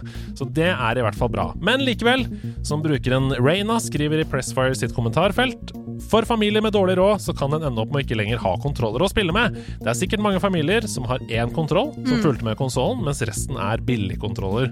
Handler dette om kvalitetssikring? Gi heller en advarsel når kontrollen kobles til første gang, om at denne kontrollen ikke er offisiell, og at kvaliteten ikke kan garanteres. Dersom det utelukkende handler om å tjene mer penger på lisens lisensiering, vel, fuck you, Microsoft! Diablo 4s første utvidelsespakke er annonsert. Tidligere denne uka så fikk vi se første trailer fra Vessel of Hatred, som kommer sent i 2024. Og for oss som spiller Diablo utelukkende for singleplayer-opplevelsen, eller altså Coop, da, Coop, ja. Altså ikke, ikke sånn grinding etterpå, men Nei. historien, liksom. Så er jo dette gode nyheter! Ja. Nå kommer det mer innhold. I den lille 45 sekunder lange traileren vi fikk se, så var det en liten snutt fra et helt nytt jungelområde. Uh. Kjent som Nahantu. Uh, Blizzard forteller at utvidelsen bygger videre på historien i hovedspillet, og at den inneholder en helt ny klasse som vi aldri har sett i Diablo-universet før. Men ellers så vet vi veldig lite om det. ja. Men det er spennende, da. Det høres gøy ut. Ja. Du har investert nok penger du i Diablo Jeg til å har fortsette. Denne husholdningen har eh, Vi er dypt investert. Det viser seg at spillet The Finals, som jeg har kost meg mye med i det siste, gjør alt av voiceovers i spillet med text to speech AI. Nei. Og det bekrefter lyddesignerne for spillet, Carl Strandberg og Andreas Almstrøm, i en podkast denne uken. Og de sier The reason that we went this route is that AI text to speech is finally extremely powerful. It gets us far enough in terms of quality and allows us to be extremely reactive to new ideas. If a game designer comes up with a new idea for a game mode, we can have a voiceover representing that in just a matter of hours instead of months. Uh, jeg har ikke tenkt over dette i det hele tatt når jeg har spilt spillet. Det syns jeg er fascinerende. Men jeg har gjort to utdrag av dette her. Eh, og når du først tenker over det, så blir det ganske tydelig. Jeg vil først nå spille av for dere lyden på voiceovers i spillsettingen. Altså det er all annen bakgrunnslyd, det er liksom eh, Du tenker at du skal ut og skyte ting. Dernest skal jeg spille en lydfil der hvor voicen er isolert, uten noe bakgrunn. Og så kan vi si hva vi syns, og, og snakke litt om det. For AI er jo på vei inn i, i spillutvikling, det vet vi. Her kommer den første lydfilen. Splash! The steamrollers! The boundless! And finally, the tough shells! And they are off! As usual, our eliminated contestants will burst into a pile of coins, but here in Bankit, those coins can be picked up and deposited. Finders keepers. Så det var da AI eh, voice, med alt av bakgrunnslyder og musikk og sånn. Begge to er AI. Ja. Ja. Begge to. Her kommer den andre. Eh, og det som er at det første dere hører, det er at man introduserer lagene som er med på starten. Og det blir jo stakkato uansett, fordi de blir jo tildelt tilfeldige navn. Av en pool som heter sånn uh, The Roundabouts, The Burbabra, ikke sant? Så det blir jo rart uansett. Men ja, hør, hør på dette. Nå er det isolert. Now, the Kingfish! The Jet Setters! And finally, the Powerhouses! And they are off! Welcome to Quick Cash, the team that tucks away enough money first triumphs! Scotty said it. Let's see who's got the pace to ace this race. We've got our first elimination, Scotty. Talk about making a solid first impression on our sponsors. Hold on to your Azult bucket hats, brought to you by Azult. Jeg tenker at uh, her har egentlig på en måte, Hvis man er forkjemper for at det skal være ekte voice, uh, voiceover i spill, så har bransjen gjort seg en bjørnetjeneste tidligere, hvor alt har vært så polert. Mm. Og så autotuna, og så på en måte ofte gjort mer mekanisk fordi at det er en robot som sier noe, eller sånne ting. Mm. At dette høres egentlig ut som noe vi har hørt før. Mm. Hva tenker du, Heidi? Ja, jeg, jeg synes, Hvis jeg prøver å tenke sånn de stemmene jeg har hørt Jeg har liksom ikke tenkt over at det er ekte stemmer jeg hø har hørt på dataspill før. Som jeg, ja, altså jeg har ikke tenkt over at det ikke er det. Altså, ja. Mm, mm. Så jeg syns heller ikke at det høres noe, noe, annerledes, eh, noe annerledes ut, egentlig. Nei, jeg syns det er tydeligst hos mannen. Ja. Der er det noe maskinlæring som må til. For der er det noen sånn «Næ, æ, æ», rare Mm. tonefall innimellom, som åpenbart er fordi man setter sammen eh, forskjellige ord, da. Som Mm. ikke nødvendigvis er lest inn i seg selv, men som man setter sammen delsetninger. Og så blir det sånn Oi, der, der begynte han på nytt i tonefallet Ja. tonefallet sitt. Kvinnen er mye tydeligere og mye mer karakter, og jeg går opp og ned, og jeg har Mm. en Eh, Så det kan også hende at det handler om at hun har en litt annen dialekt, som gjør at det er lettere å skjule. Det vet jeg ikke. Men eh, jeg er ikke udelt negativ til dette, egentlig. For eh, her er det jo bare lyddesignere da, som har gjort noe som i utgangspunktet er en ikke så viktig altså dette, er, dette er jo et online game as a service-spill.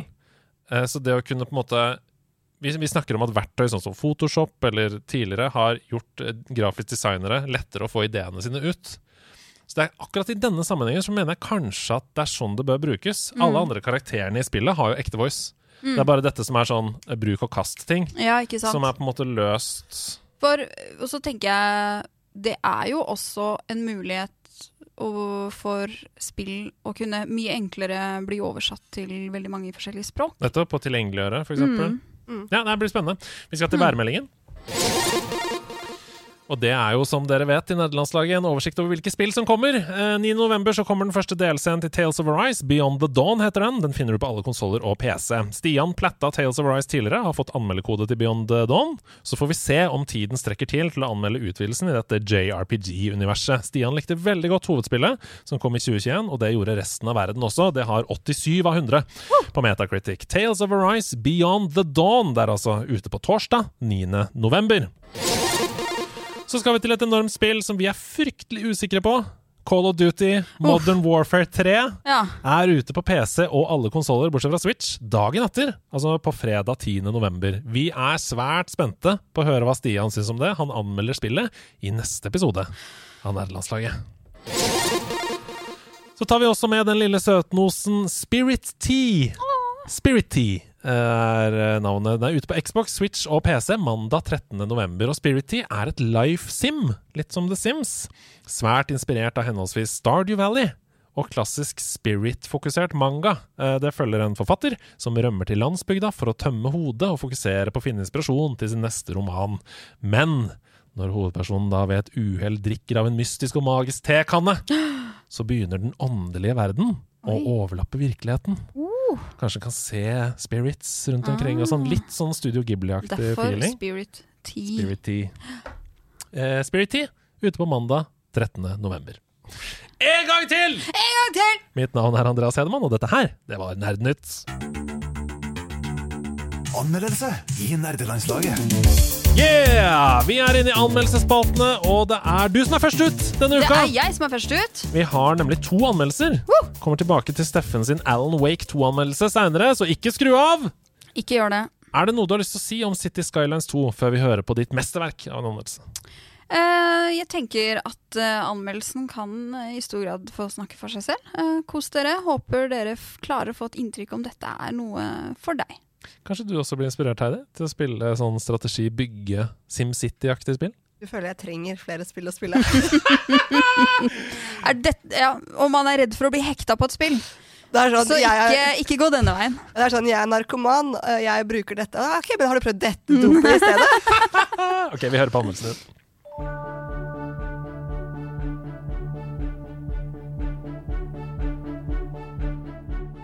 Endelig er den her. Cities Skylines 2.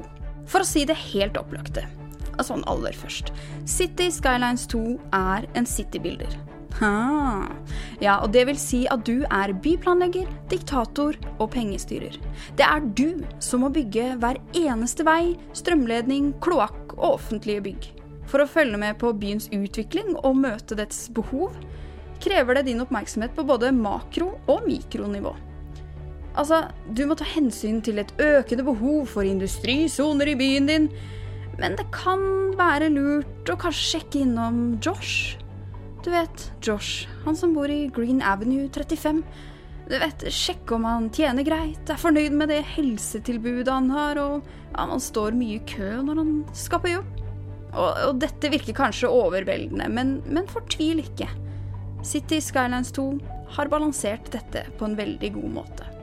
Og jeg er ingen erfaren byplanlegger, verken i spillverden eller i det virkelige liv. Du kan tenke deg at jeg var ganske spent på hvordan dette skulle gå da jeg satte i gang med å bygge Nerdeland, min første by i Cities Skylines. Right, one final question, Professor.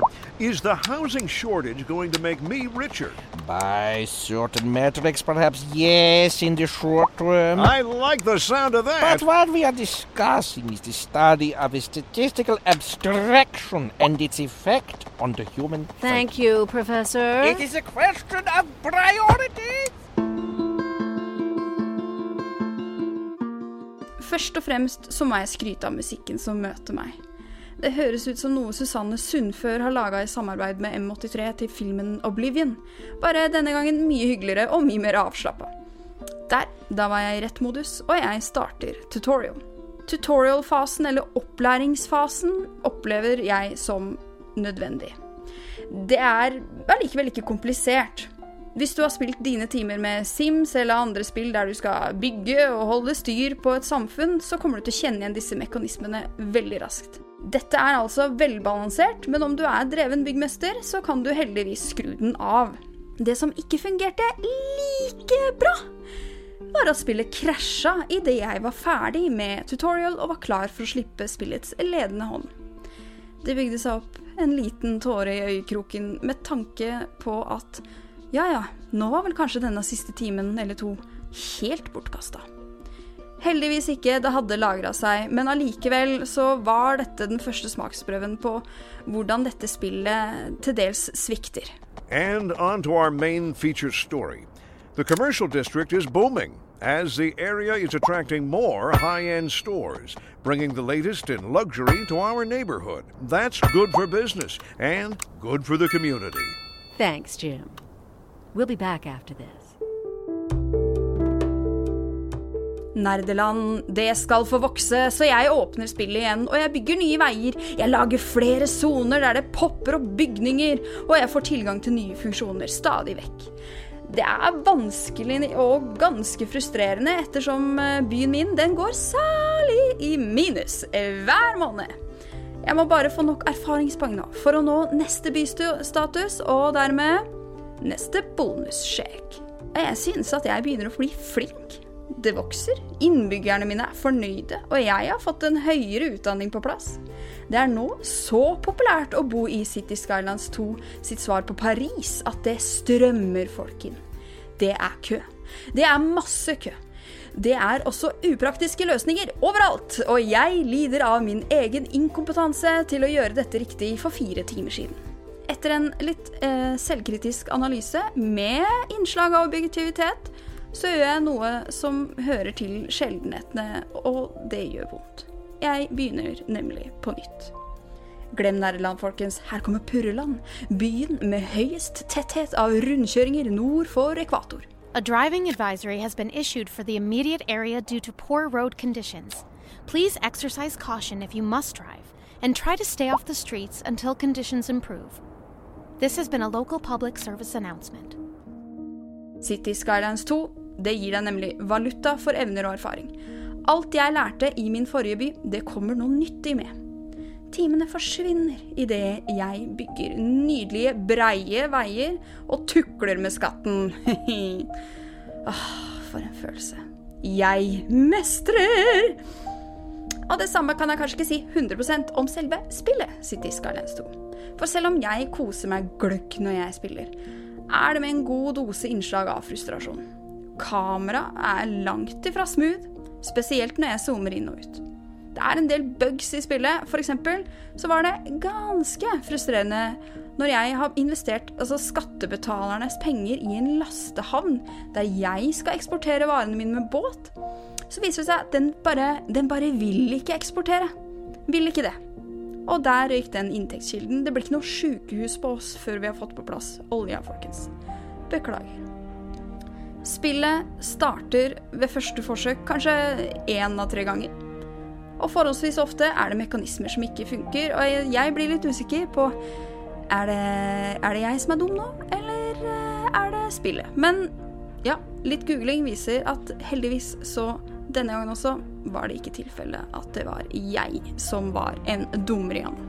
Industry in the region is on the rise, and when business is doing well, that floats our boat. There's no sinking this boat, Glenda. Som en helhet så synes jeg City Skylines 2 er et veldig godt spill. Timene flyr. Jeg opplever det som velbalansert, musikken er nydelig, og det har en veldig god og fin progresjon.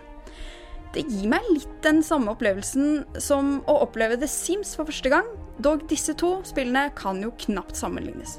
Jeg tror at per i dag så er dette spillet et slags 75 av 100 spill, fordi det er mange tekniske utfordringer.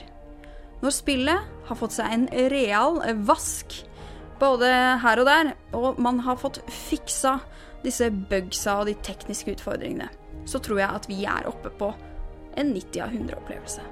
Vi bygges.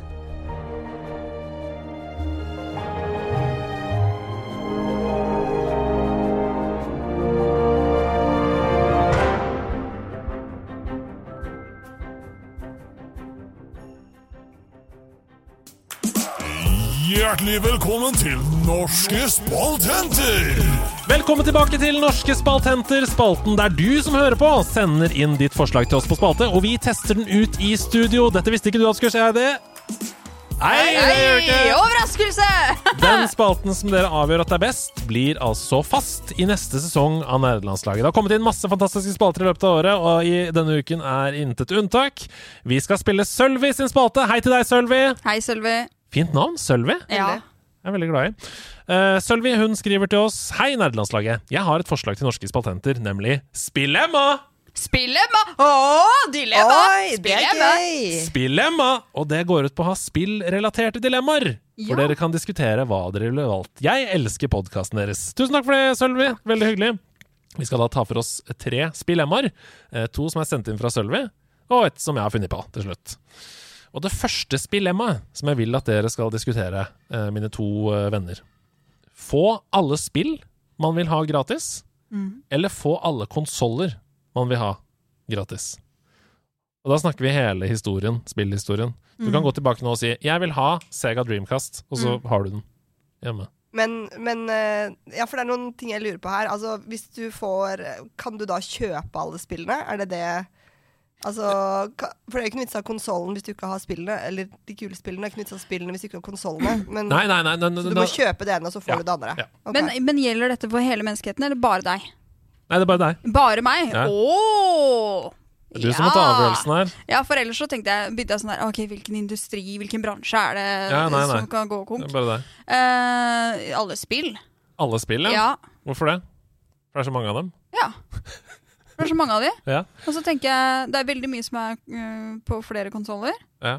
Uh, så jeg tror at eh, det vil være en god investering. Og så vil det kanskje få meg til å spille enda flere spill. Teste ut enda mer. Mhm. For jeg tenkte det motsatte, at jeg ville gå for alle konsoller. Fordi at jeg prøver å være litt begrensende med hva jeg spiller. Så da kan Mm. jeg liksom, men så er det jo noen spill jeg har lyst til å spille på ulike konsoller. Mm. Da kan jeg Mm. plukke akkurat de spillene jeg har lyst til å spille. Ja, fordi da har du full der. fleksibilitet. Ja. Du har Ja. alle plattformene tilgjengelig. Du må ikke kjøpe den i tillegg. Hvis det er ett PlayStation-spill du spiller, så er det dumt å kjøpe en konsoll til 6000, og så Ja. Skjønner hva du mener. Jeg tenker sånn, bare for å være litt djevelens advokat mot ditt argument, uh, Ida Gamepass. Nei, det var en gang i tiden der hvor f.eks. ny PC eller Mm. ny konsoll kosta 20 000. Mm. Det kan hende vi kommer til et sted der hvor teknologien er så sjuk i framtiden Mm. at det kommer en konsoll som koster 100 000. Kanskje? Ja. For eksempel sånn VR-sjuk VR-konsoll, da. Som er sånn du kobler deg inn når du kommer hjem fra jobb, og så lever du i den verden. Ikke, ikke kjøp det. Nei, ikke kjøp det. Hold, hold deg langt unna. Ja. Ikke tips. Det er det som er litt skummelt med å høre på dere også, for jeg blir sånn der, jeg har lyst på det spillet der. Ja. Så det, det er farlig. It's what we do. It's what we du, da blir jo det sånn Ready Player One-greie. One-greie. Ja. Nei, jeg går for alle spillene. Ja. ok, her er neste, her er neste dilemma. Dette er Sølvi som har funnet på. Jeg nekter å ta uh, Mm. dette på min kappe. Kun få lov til å spille to timer i måneden. Mm. Du har bare lov til det. Da stopper all TV og sånn. Det, det, er, er utenfor din kontroll. Mm. Du kan uh, porsjonere, da. Du kan ta 20 minutter her og der, men kun to timer hver måned. Det høres ut som et nei til det. Eller få spille så mye du vil, når du vil, men ha eksplosiv diaré den 23. i hver måned. Eksplosiv diaré. Lett. Eksplosiv diaré. Rett. Lett. Lett, lett, lett. Er det sant? Da tar jeg Sånn at det er begrensende Da tar jeg hjemmekontor. den 23. Altså, du har en, prakt, si du har en sånn, avtale med din jobb. Eh, For oss kvinner, da. Ja. Som har Det er litt sånn Som har mensen en gang i måneden. Absolutt. Vil du eh, Ja. Altså, Du vil, du vil sidestille mensen med eksplosiv diaré? det er nesten så jeg kanskje heller ville hatt eksplosiv diaré en gang i måneden hvis jeg ikke vet når det kommer, enn en, eh, smerten og det av eh, Jeg tror det er ganske mange kvinner i Norge som mye heller ville hatt eksplosiv diaré en gang i måneden enn en uke med et helvete eh, hver eh, måned. Ja. Skriver du under på dette? Ja, lett, lett en dag med eksplosivt diaré bortsett, ja, i stedet Ja. for mensen. Helt klart. Kan du bare sitte Nei, på do og spille på ja, Switch. Ikke, ja, ikke i stedet for mensen, da, men uh, kanskje time det samtidig. Sitter du på do allikevel. Et hemoroideproblem blir det jo etter hvert. Ja. Men de kan du bare dytte opp igjen. Har jeg lest. Jeg trodde du kom til å spørre også eksplosiv diaré hele tiden mens du spiller, og jeg Ja. ville nok faktisk også valgt det Ja. foran to timer uh, spilling i måneden. Okay. Uh, Tusen takk for innsikten i kvinnekroppen. Mm. Jeg er veldig glad for det. Um, og så vil jeg også si at Sølvi, her er det one up altså det, Disse er veldig glad i spill. Disse vi sitter og snakker med her. Her er det Hva ville du valgt? Eh, Eksplosiv diaré. Ja. Helt åpenbart. Jeg kan ikke to timer i måneden. Jeg måtte slutte av jobben min. Ja, ikke sant? Eh, siste. Aldri mer fysiske spill. Eller aldri mer digitale spill. Det vil jo si poker. Det vil si brettspill. Det vil si sjakk. Aldri mer digitalspill. Ja, sånn. Oi! Ja, men, eller, ja, men nå må vi, nå må vi tror vi må begrepsavklare. Aldri mer at du kan kjøpe Nei, nei. et digitalt oh, OK. Aldri mer spill som spilles på skjerm. Videospill, liksom. Ja. Eller eh, OK. Nei. Eller fysiske spill i virkeligheten. Oi. Det er vanskelig, ja. Puslespill får også inn under fysiske spill. Jeg syns den er lett. Jeg ville hatt fysiske spill. Ja, du hadde kutta digitale. Du Ja. hadde kutta Selda. Du hadde kutta It Takes Two. Ja, Det ja, det, ja, ja, ja. fordi jeg elsker, altså, sjakk, jeg elsker sjakk. Jeg elsker poker. Jeg elsker å spille bridge. Jeg spiller bridge med faren min hver torsdag. Og Det er det koseligste jeg har hørt. Ja, det er så koselig. Da spiser vi middag sammen først hjemme hos mamma og pappa, og så drar vi ned og spiller bridge. Og så ringes vi på fredag for å diskutere hva vi spilte dagen før. Det er koselig. Det vil jeg ikke gi opp for noe som helst. Så du kutter digitale spill. Jeg kutter Kutt fysiske spill. strømkabelen! sier vi hjemme hos uh, Herre nå. Du kutter fysiske spill, ja. Ja, selv om det er vondt. Men da hacker jeg den med at det finnes veldig mange digitale versjoner av fysiske spill. Ja, for det var det jeg skulle si. Det betyr jo at du aldri kan spille nettsjakk, da. Du kan aldri Ja. spille på chess.com. Mm. Du kan aldri spille Hun var glad i faren sin. Det er greit. Men, ja, for det er, men også Altså, sjakken hadde på en måte kanskje gått greit digitalt. Nei, for det er noe fint også med å sitte over et brett og spille langsjakk, f.eks. Mm. Det går ikke an å spille på datamaskin. Mm. Men eh, også poker. Det er så fint å Mm. liksom sitte sammen med andre mennesker, spille, få nye venner. Aldri mer Eh, nettpoker. Du må ut. Nei, men nettpoker liker jeg ikke uansett. Nei. Så det er ikke noe problem. Du liker å se folk i øya når du lurer dem. Ja, jeg, liker, jeg syns noe av det jeg liker best med poker, er å prøve å lese menneskene. Prøve å finne ut av hva de har. Og det får du ikke gjort på nett. Det er så pent sagt! Ja, det, det- er poetisk! Sånn er det. Det beste med poker er å Du lese da? menneskene. Eh, aldri mer fysisk, ja. ja. Det er ikke tvil i min sjel. Eh, jeg hadde ikke hatt sjans eh, Per nå, Mm. så må det. Ja. Med mindre man kunne f.eks. spilt uh, Man ser for deg at du spiller spillet. Mm, jeg Ja. bare ser for meg at jeg spiller eh, Tears of the Kingdom. Mm. Ja, Også Definisjonen, den etiske vurderingen da, av hva som er Altså Hvis VR for eksempel blir så bra som vi snakket om, Mm. og jeg kan gå inn i en sånn uh, Ready Player One-virkelighet, er det da et fysisk spill? Nei. Fordi jeg bruker kroppen, jeg går rundt Nei, men det er digitalt. Ja. Eller så kan du jo si at uh, ja, uh, Wii Sports er et fysisk spill. Men hva med fremtiden, da, hvis man gjør lovbrudd i en VR-verden? Nei, Mm. det var bare et spill. Mm. Eller kan du straffes for det? Kommer an på om det er økonomisk kriminalitet, da. Ja, Hvis du dreper noen, da. I VR. Avataren til noen. Sånn Ja. at uh, hundrevis av timer med arbeid vil We'll cross that bridge when we get there! Tusen takk for uh, spill, Emma Sølvi. Veldig, veldig bra. Vi skal videre. Det er så bra nivå! Jeg vet, jeg vet. Disse spaltene! Det er Deilig ordspill òg. Ja. Well, actually, surely what you're saying is a balderdash of ox's feces, sausage tissue, urine talk.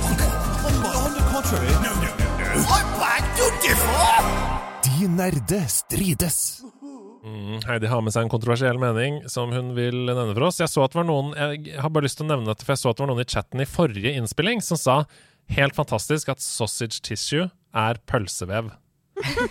ja. Det eh, er det ingen andre som har Hvis du ikke har eh, oppdaget det før nå, det er det det står for. Hva er det du har tatt med som kontroversiell mening, Heidi? Jeg syns også den var veldig vanskelig. Ja, det er vanskelig. Um, hva som er en kontroversiell mening. Altså, Jeg vil jo si at du har hatt en med å si at eh, It Takes Two er dårlig, men ja, eller oppskrytt, kanskje.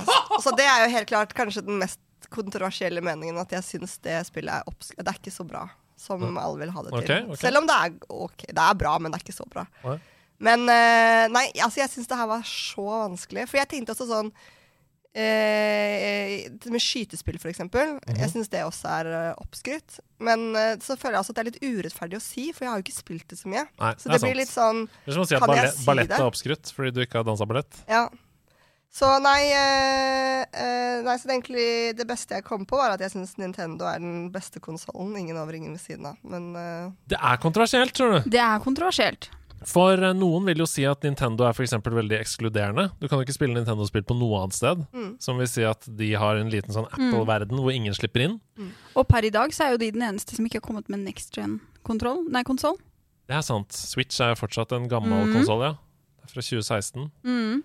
Ehm, men hva, hva er det du mener? Har du prøvd inngående Xbox og PlayStation? Og nei, jeg har jo ikke det. Så det liksom, uansett hva jeg sier, så jeg har jo ikke noe godt grunnlag for å si det. Så det, kanskje liksom det mest kontroversielle jeg kan si, er at uh, It Takes Two er oppskrytt, for det har jeg jo faktisk spilt en del. Eller at fysiske spill er bedre enn digitale spill. Ja, det kan jeg jo også si. Du er full av kontroverser. Ja, du har også sagt at det er spillavhengighet. Det er, Mm. er lett å skje med deg. Men, men jeg tenkte på dette med Nintendo. Jeg har ikke lyst til å slippe det helt. Mm. Fordi hva vil du si da til kritikerne som vil si at på Nintendo er det bare barnespill? Ja, men det er jo så gøy. Altså, ja. Det er ikke noe poeng å bli voksen, si. Nei, men ikke sant, er det liksom sånn som eh, Sånn som spill ja, Spill hvor du skal gå rundt og drepe folk, da. Eh, Det er jo ikke så sunt, liksom. Hva?! Det, det- dette er den kontroversielle meningen! Du tror at skytespill er lik at du blir en som skyter? Nei! Nå, nei. Hallo, Mr. Generaliserende! Nei, men det er jo litt sånn Det er jo litt, altså Men så kan man jo stille Ja, nei, det er ikke sånn at alle som spiller skytespill, eh, går ut og dreper noen. Men alle de som går ut og dreper noen, har de spilt skytespill? Nei! Nei, nei, nei. nei. Dette blir altfor tendensiøst! Shots fired, Shots fired altså, det og mest heftige krigsspillet er jo sjakk. Ja, det er jo det. Det er jo det. dreper du kongefamilien. Få Ja. de ut av brettet. Ja. Ja, du dreper vel Ja, du omringer jo kongen, da. så Har du sett trollmannssjakk eller i Harry Potter? Det Ja. står om liv og Ja, død! det står om liv og død. Og hva er det han sier? Go on, Harry. Ja. This is me to finish. Ja. There you, it has to be you. Ja, og så bare Ja! Hesten. Eller springer, OK, da. night to rock fine. Jeg vet ikke hva han sier. Men den er bare ja. Ja. Skuespillerprestasjon på sitt beste. Men dere tenker at skytespill er helt uproblematisk? Ja. Ja. Tenker jeg. Eh, vi, jeg lagde en podkast dette har jeg nevnt i nederlandslag før, sammen med Stella Ekiz for NRK, som heter Smartere på ti minutter. Der vi snakket om at eh, all forskning viser at eh, voldelige eh, dataspill ikke gjør deg voldelig i virkeligheten. Eh, og så er det sånn at det å f.eks. søke trøst i spill kan nok eh, være viktig for mange som har falt utenfor. Mm. Og dermed kan sørge for at tendensen til at f.eks. voldskvinner og menn har en eh, bakgrunn fra gaming, det kan nok være fordi man har falt utenfor på andre måter. Eh, omsorgssvikt, ikke hatt noe eh, sosialt nettverk rundt seg, søker til spillene, ikke sant. Ja, nei, men jeg trekker det litt tilbake, for det er jo bare fordommer. ikke sant? Jeg har jo nesten ikke spilt det selv. Og det er jo sånn, jeg spiller jo masse poker, og det er så mye fordel, eh, fordommer mot uh, poker og Ja! pokerspillere Mm. Som bare ikke stemmer. Men det er jo, de kommer jo fra, fra folk som ikke har prøvd det selv, og nå gjør jo jeg akkurat det samme med skytespill, som jeg nesten ikke har prøvd. Jeg tror jeg spilte litt Var det en sånn James Bond Golden Eye eller Ja! noe sånt? Det spilte jeg, og Mm. det var jo helt fantastisk. Ja!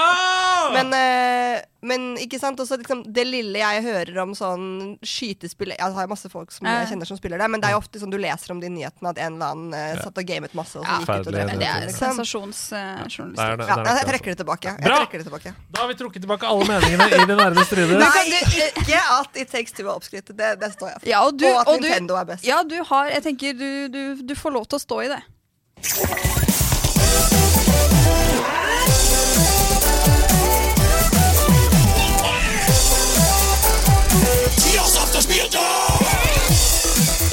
Det er helt riktig. Vi er i Tears of the Spieldom. Og for de mest eh, genuine Zelda-fansen der ute, så hørte de at denne jinglen starter med Fuse-lyden fra eh, Tears of the Kingdom. Um, jeg har spilt, tatt opp det spillet i det siste. Jeg elsker det. Synes det er helt Ja. fantastisk. Og hver gang jeg hører Fuse nå, så begynner jeg å si ba, ba, ba, ba, ba. Ai! Da, da, da, da, da, da, da. Ok. En gang til! En gang til. Vi er i Tears of the Spieldom. Du og jeg skal samarbeide om å finne ut av hvilket årstall det er Ida prøver å komme fram til. Mm. Eh, Det kan skje ved hjelp av tre hint. Det begynner veldig vanskelig, og så blir det lettere og lettere. Eh, Det kan være 1999, det kan være 2019, det kan være 2006, eh, hva som helst. Men hun gir oss hint da, som skal lede oss fram til svaret. Det skal være vanskelig. Og vi kan gjette på hvert nivå? Eller Nei. du har bare én gjett? Gjetter vi, så låser vi svaret. Okay, ja. Eller les svaret, som eh, din kollega i NRK sa tidligere. Uh, og, og da er det for seint. Mm. Med andre ord, det er få som har fått poeng i denne spalten.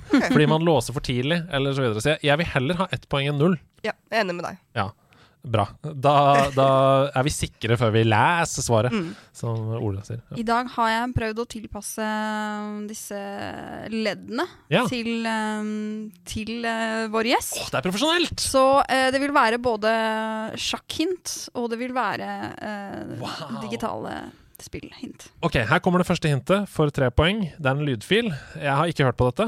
Vi skal fram til et år. Nå må vi jobbe sammen. Du må hjelpe meg her. Ok, Hva er dette? Kasparov, Zero, Deus Ex Machina. It was total annihilation. Kasparov Zero, Deus Ex Machina. It was total annihilation. Er det når han spilte mot en datamaskin? Ja, mot Deep Blue, er det det? Um. Deus Ex er jo i hvert fall uh, et spill. Men det er jo sikkert et, um, en terminologi også. Men Kasparov Var det zero? Altså tapte han? Kan vi høre på den en gang til? Ja, vi kan høre på den en gang til. Bare Det tar litt tid før den begynner. Kasparov, Zero, Deus Ex Machina. Ja.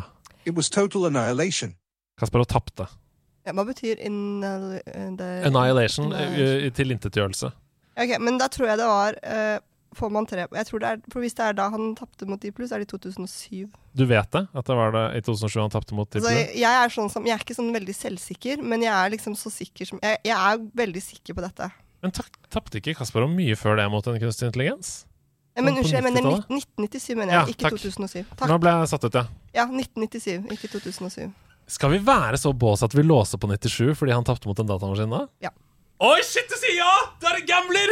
Ja, men jeg er egentlig ikke det. Jeg er veldig lite risikovillig. Men jeg har veldig øh, Hvor mange spørsmål har vi? Altså, Ja, vi får, får vi to- flere sjanser? Ja vi kan få et hint til for to poeng, og så kan vi få enda et hint for ett poeng. Men hvis du vil låse på tre Du sa først vi skal være helt sikre før vi låser, sa du? Jo, men jeg tenker sånn Hva slags andre hint kan det komme enig? som jeg har noe som helst peiling på? Jeg aner jo ikke når noen ting annet kom ut. Og så vet jeg at uh, Jon Ludvig Hammer var syv år da Kasparov tapte. Eh, og han er født i 1990, så da Men jeg, jeg stoler 100% på deg hvis du står i 97. Ja, men jeg begynner å tvile på meg selv. Men eh, jeg syns vi skal gamble. Vi har låst svaret på 1997 på tre poeng. Det har aldri skjedd. Det er ingen som har låst på tre poeng noensinne. Så det betyr at vi må høre på Jo, neste hint. hint. da. har skjedd. Ja, har det og skjedd? folk har ikke fått poeng. Ok, Da får vi høre neste hint, da. Så det, så- det som skjer nå, er jo sannsynligvis at vi sier nei! Eller, ikke sant? Fordi vi hører Mambo number five, for for tenk om det ikke var eh, da han tapte mot Deep Blue. Tenk om det var noe annet. Det kan være noe han, helt annet. Han eh, Det sier jo- stilte opp i en spillreklame for et eller annet. i- Sier jo Deus ex machina her. Ja, de sier jo ikke Deep Blue. Og ex machina er jo en film, og Deus ex er jo et spill. Som kanskje kom i 2007. Ok, vi hører på, uh, vi hører på neste hint.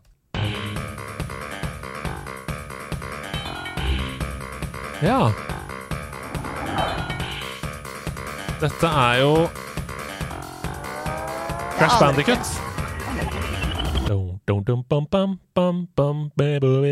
Dette er Crash Bandicut, PlayStation 1. Ok. Det kan stemme, altså. 1997. Ja, jeg har ikke peiling. Det kan definitivt stemme. Åh, jeg er, Nå er jeg spent. Skal vi høre på det siste hintet også? Vi gjør det. Oi, det er Golden Eye fra Nintendo 64.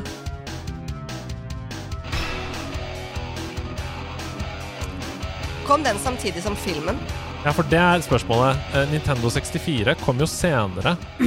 Siste ledd er også med noe sjakkopplysning. Ok, ja. Um, uh, tvillingene Jeg klarer jo ikke å uttale Marslik. Maklik, Maklik er født i dette året. Monica Maklik er eh, norsk eh, sjakkspiller og sportskommentator. Og er da tvillingsøster med Edith.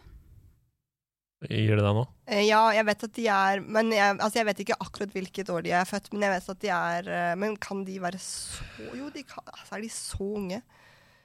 Dere har jo låst. Ja, vi har låst svaret. Dere har låst. Ja. Ida, du må, du må dra oss gjennom dette. For det første, Deus ex machina betyr jo Gud er i maskinen. Å ja! Ja. Og uh, Annihilation var et spill som kom ut i 1997! Det er helt vilt! Det er helt rått! Tre poeng! Og det er bare deg! Det er bare deg, Heidi! Nei, det er samarbeid. Er det det? Ja, for du Ja, det er samarbeid. Hvorfor det? For du trodde på meg. Du trodde på meg nok til at jeg ikke begynte å tvile på meg selv.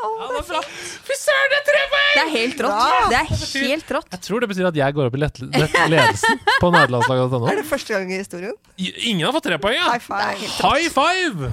Heidi Røneid, for en legende Går i Tusen spilldom.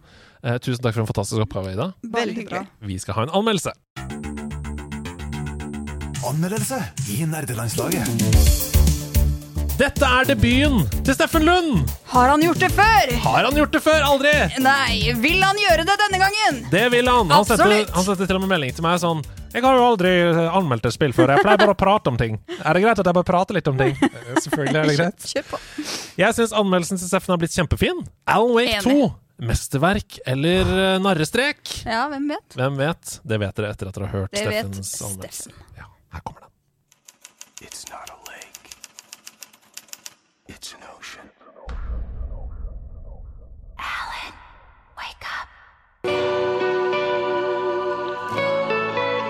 Remedy. Et finsk spillstudio ledet av Sam Lake har mange spill under beltet, og alle spillene har noe til felles. De heter hva du gjør i spillene. Hm, La meg forklare.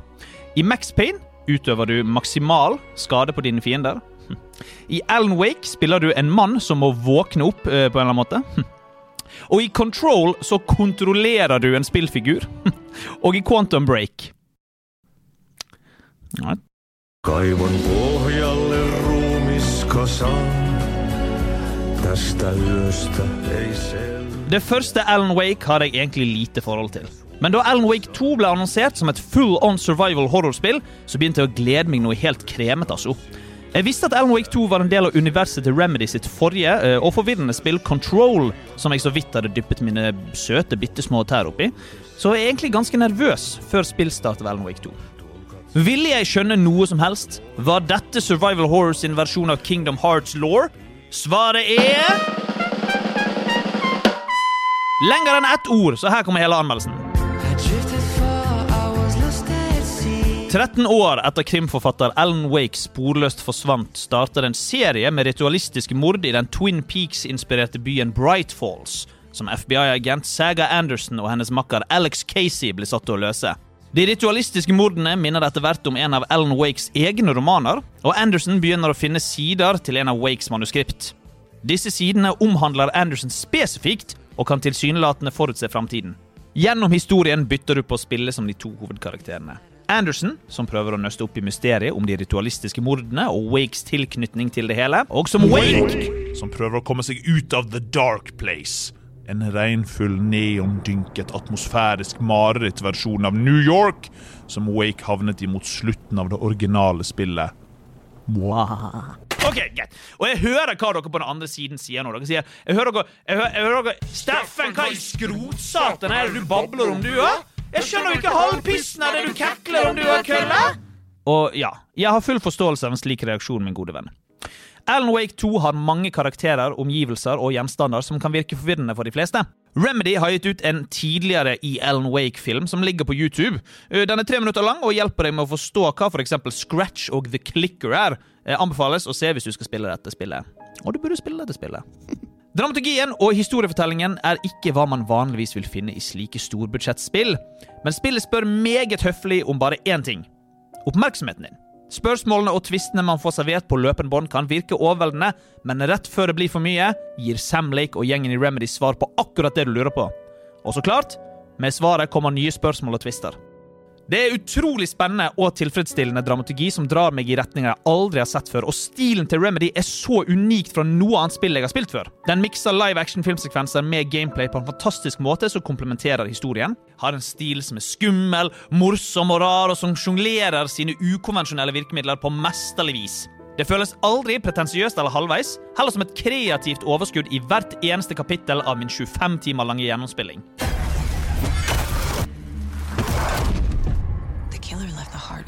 Body.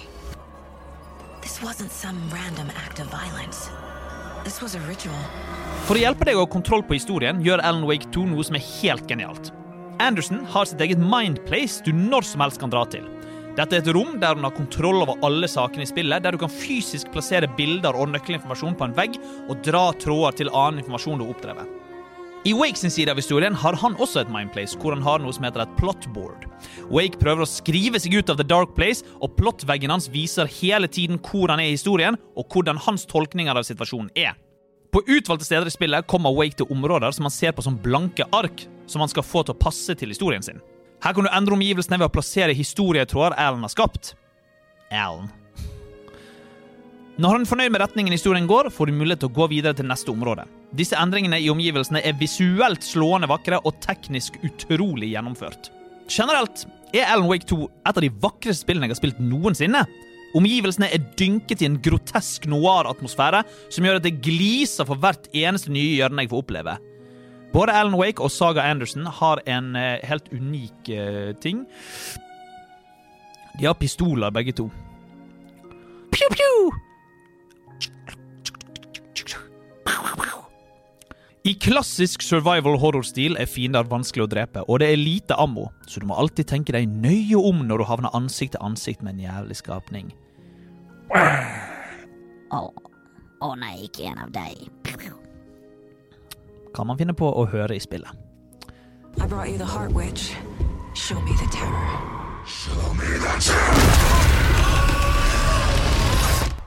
En annen stor del av Alan Wake 2 er puzzles, eller det norske ordet pusler, og dette er jeg nødt til å fremheve. For nesten ingen spill gjør dette her. Alan Wake 2 stoler på at du som spiller kan løse oppgavene, ikke karakteren eller spillet. Du må skrive ned koder, ta bilder av skjermen med mobilen din og huske ting som blir sagt for å løse koden til en safe eller en dør. Puzzlesene har varierende vanskelighetsgrad, men du vil aldri få en melding på skjermen hvor koden står. Det får du faen meg huske sjøl. Det er utrolig givende å klare å låse opp noen av de vanskeligste kodene i dette spillet, og da er du inne på noe bra her, eh, Remedy. Remedy, nå, du inne. Nå, begynner du å, nå begynner du å komme under hunden min. Remedy, nå begynner du å komme under hunden min. Dette begynner å bli bra her, eh, Remedy. Remedy, nå, ja, nå er du inne på noe, Remedy. Nå begynner du å komme under Ja, hunden Remedy, min. nå er du faktisk inne på noe. Nå begynner du å komme under hunden Remedy, nå er du faktisk inne på det. Nå begynner du å komme under sånn, hunden Remedy, nå er du faktisk inne på noe. Nå begynner du å komme under hunden Og da blir og akkurat Og det og det eh, og, og, og da tenker jeg Nå er du inne på noe, Remedy. Nå begynner du å komme under hunden min.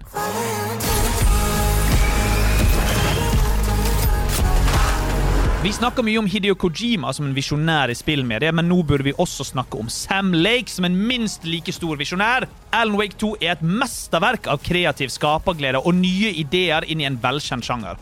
De tør å teste så utrolig mye som gir oss spillere en helt unik skrekkspillopplevelse.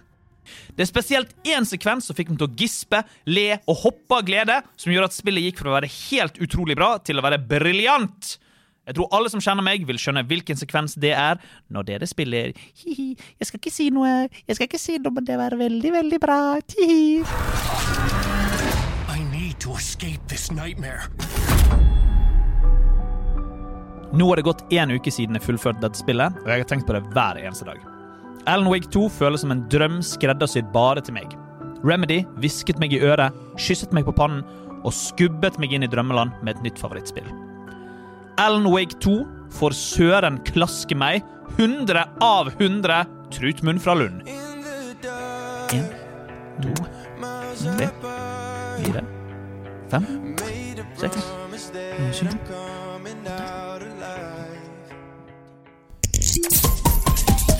Står det på kokktavlen? Er mengden spill av skyhøy kvalitet som vi har fått i 2023, faktisk et problem istedenfor en luksus? Jeg føler jeg hører flere og flere si at de må forte seg å spille ferdig spill X for å rekke release til spill Y. Gjør hyppigheten på ni av ti spill at vi egentlig forkaster fantastiske spillopplevelser til fordel for de neste i rekka? Kjør debatt, sier opp-ned-kors inn til oss. Hva tenker Jeg du? opplever egentlig det. Skal jeg være ærlig.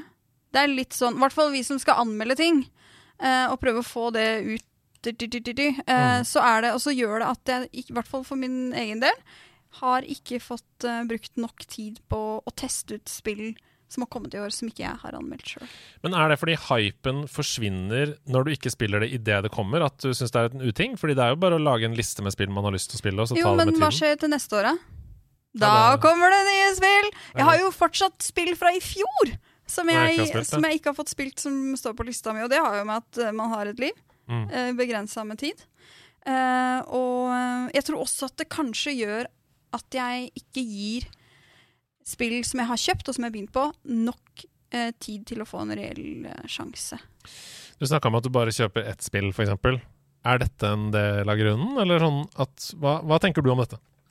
Nei, ehm, eh, jeg tenker jo men, Fordi jeg spiller jo ikke så mye dataspill. Jeg spiller jo liksom Zelda, det er det jeg kjøper når det kommer, og, og spiller. Men, eh, men det er jo litt det samme som med TV-serier. Det er litt sånn, Du orker ikke å ja, det, orker, det- det må gripe deg så fort, tenkte Mm. jeg. Ellers så bare går du videre til, noe, til det neste. Så det jeg, eh, jeg kan skjønne det. Men jeg unngår jo også veldig andre typer spill, da. Fordi at Mm. eh, jeg vil bare spille Zelda. Generell utfordring at det er så mye innhold der ute. Altså Ja. Enten det er TV eller film eller Mm. musikk eller uh, Man kan ikke høre alt. Man kan ikke spille alt, man kan ikke se alt. Man må bare ta, seg, ta vurderinger selv. Da.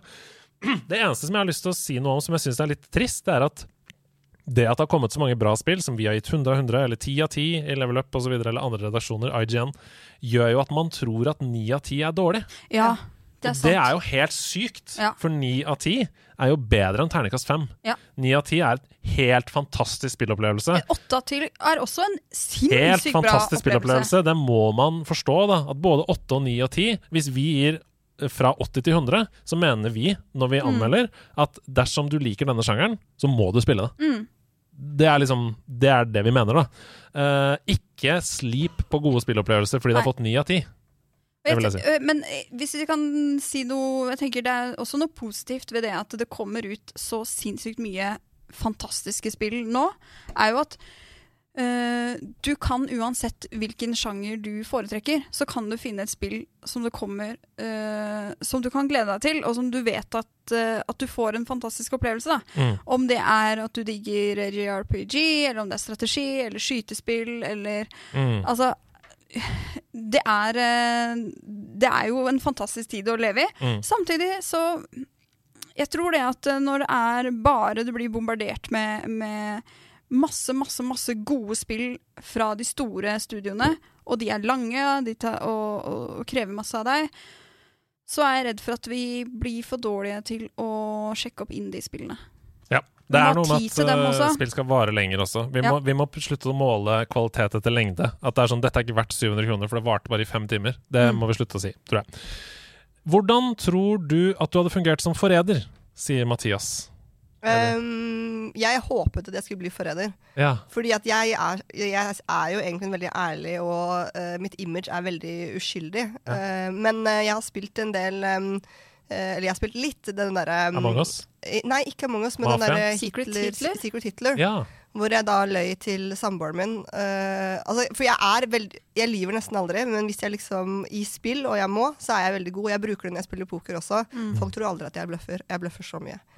altså sammenlignet med hva folk tror. For, Mm. Så jeg ville likt veldig godt å være forræder. Jeg, jeg, og jeg tror det hadde gått uh, uh, gått eh, fint. Men så hadde jeg sikkert fått ekstremt dårlig samvittighet når jeg hadde Mm. liksom eliminert folk, da. Men jeg mente det jeg sa i introen. Det er jo aldri noen i Forræder sin historie, jeg har sett alt av alle sesongene, som har vært så god på å spotte forrædere. Du var jo på Torstein med en gang, og du var på Aslak, og da ble du stemt ut. Eller Mm. da ble du drept, fordi da hadde du tatt to, på en Mm. måte. Eh, og det er jo Hvor kommer den egenskapen fra? Jeg tror um, i, Jeg tror nok at mye av det kommer fra altså, Eller jeg syns det er veldig interessant med mennesker. Jeg liker veldig godt å, å, å på en måte analysere mennesker. Men så, og så tror jeg også med pokerspillingen, for der må du du må også veldig se om folk snakker sant eller ikke, og gjøre opp en mening, for det avgjør om du, hva du skal gjøre videre. Mm. Så det har jo på en måte eh, hjulpet meg i å bli bedre på det. Men sjakken også handler jo mye om det psykiske spillet, psykiske spillet, å se om er motstanderen stressa nå. Eller eh, er han ikke det? Later han som at han, han eller Mm. hun er uh, helt rolig? Eller, eh, eller har trekk, er trekket mitt noe som Mm. virkelig har satt ut denne motspilleren? Ja, og sjakkspillere er jo veldig, veldig ærlige. eh, fordi Ja. de trenger egentlig ikke å lyve. Uh, altså, de treng, altså, jeg mener jo at i, i sjakkmiljøet så burde man ha, fokusere mye mer på hva slags inntrykk man gir Mm. motstanderen. Fordi Um, uh, Og selvfølgelig sånn ehm, Folk som spiller på lavere nivå, kan jo gjøre en feil og så gjøre sånn der, vise Ah, det veldig tydelig at man mm. gjør en feil. Det må du liksom. aldri selvfølgelig gjøre. Men også sånn du kan jo merke om motstanderen er stressa. Mm. Uh, vi så det da Magnus Carlsen spilte mot Anand i VM. Um, så gjorde han en, en kjempetabbe. Og så skjønner han at han gjør en tabbe, men han klarer heldigvis å holde seg, holde seg da. Men det eneste han gjør, er at han bare han stopper å skrive. Han bare sitter helt i ro. Mm. Um, så man, liksom, man må ha kontroll over disse tingene også, Mm. for ikke gi bort, eh, gi bort hva man har gjort feil. Det er mye spørsmål til deg i dag, for det er mange som har vært interessert i å høre hva du tenker om ting. Eh, Så vi hopper bare rett over i neste greie. Hva er beste prestasjonen i poker-NM? Spør Sinfor. Hva er ditt favoritt-pokerspill? Pokerhjerte, skriver han. Å ja, så koselig. Nei, jeg spiller, jeg spiller bare Texas Hold'em. Ja. Uh, og min beste prestasjon var uh, Jeg kom til dag tre i uh, NM, som er Kanskje jeg tror jeg ble sånn rundt hun... Nei, ja, un, jeg husker ikke hvilken plassering det var. Det var, ikke, det var sånn 20 stykker igjen til pengene. Ja, så du kanskje var ikke i sånn- pengene, nei? Nei, jeg lurer på om jeg var 156 ish, og så var det 125 eller noe sånt som kom i pengene. Og så var det kanskje 1200 som var med, eller noe sånn Det er jo kjempebra, der. da. Topp 10% nesten. Nei, mer enn 1200 som var med. Ja, det er jo Ja, topp 10 da. Nei, det, nei, for jeg kom akkurat ikke i pengene, så det kan ikke Ja, for det er topp 10, ja. Ja, Ja, sant, ofte 10 eller 12% litt sånn forskjellig. Men eh, komme til dag tre i NM i main event er veldig bra, uh, syns jeg. Og så har jeg kommet i pengene i ladies eh, et par ganger. Wow, det er Du er garantert den beste pokerspilleren som sitter rundt dette bordet. for å si det sånn. Men det er et veldig gøy spill, og det er et sånt spill som har hatt, fått um, altså som Folk har sånn dårlige assosiasjoner til, men som er så gøy, så sosialt, så mange fine folk. Og ja, helt, helt nydelig, så jeg anbefaler det. TG Vjod YT spør hva er beste sjakkåpning med hvite brikker. Jeg er noob. E4. E4? Perfekt, da vet du det. Uh, og til slutt, hva tenker du om sjakkvarianter som Bughouse, Four Player, Fog of War osv.? Spør Jakob Fleischer. Det er jo, altså, men jeg vil si E4 var også spansk, da vil jeg si er den beste åpningen. Eh, men jeg, jeg vil jo Det kommer an på hva slags sjakk du skal spille. Hvis du spiller liksom Hvis du spiller lynsjakk, eh, så kan man spille litt mer sånn eksperimentelt. Men skal du spille langsjakk og bli For jeg spilte nemlig en åpning som heter Bird, som er F4 før. Eh, og det som er fordelen med en sånn åpning, er at motstanderen min ikke vet hva de skal spille mot deg. Ja. Så da kan du få de litt ut. Men hvis du skal bli en Men det er ikke nødvendigvis en god åpning. Så det er litt sånn ja. Men hva tenker du om disse variantene? Bughouse, Four Player, Fog of War. Er det bare Krøller det til et spill som er genialt i seg selv, eller? Eh, nei, jeg syns jo også det er liksom spennende, spennende liksom å, å, prøve nye varianter, men det er liksom det, er det klassiske som alltid er, alltid er best, selvfølgelig. det, er du, det, er det du pleier å si òg, da? Det er det. Klassisk er alltid best. det er din nye catchphrase. Ja.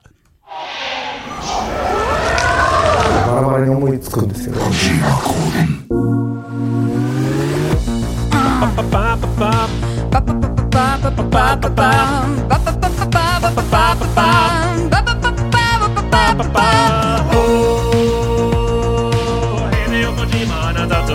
すよ。Hideo Kojima han har tatovert min body, yo. Ah, Hideo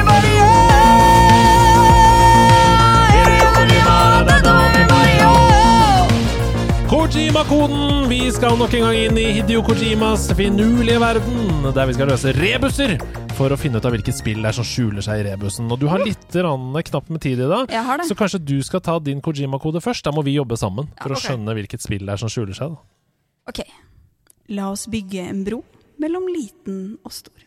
En blanding så søt, en liten nøtt innsvøpt. Sterk. Nødrivens mester! Sterk poesi.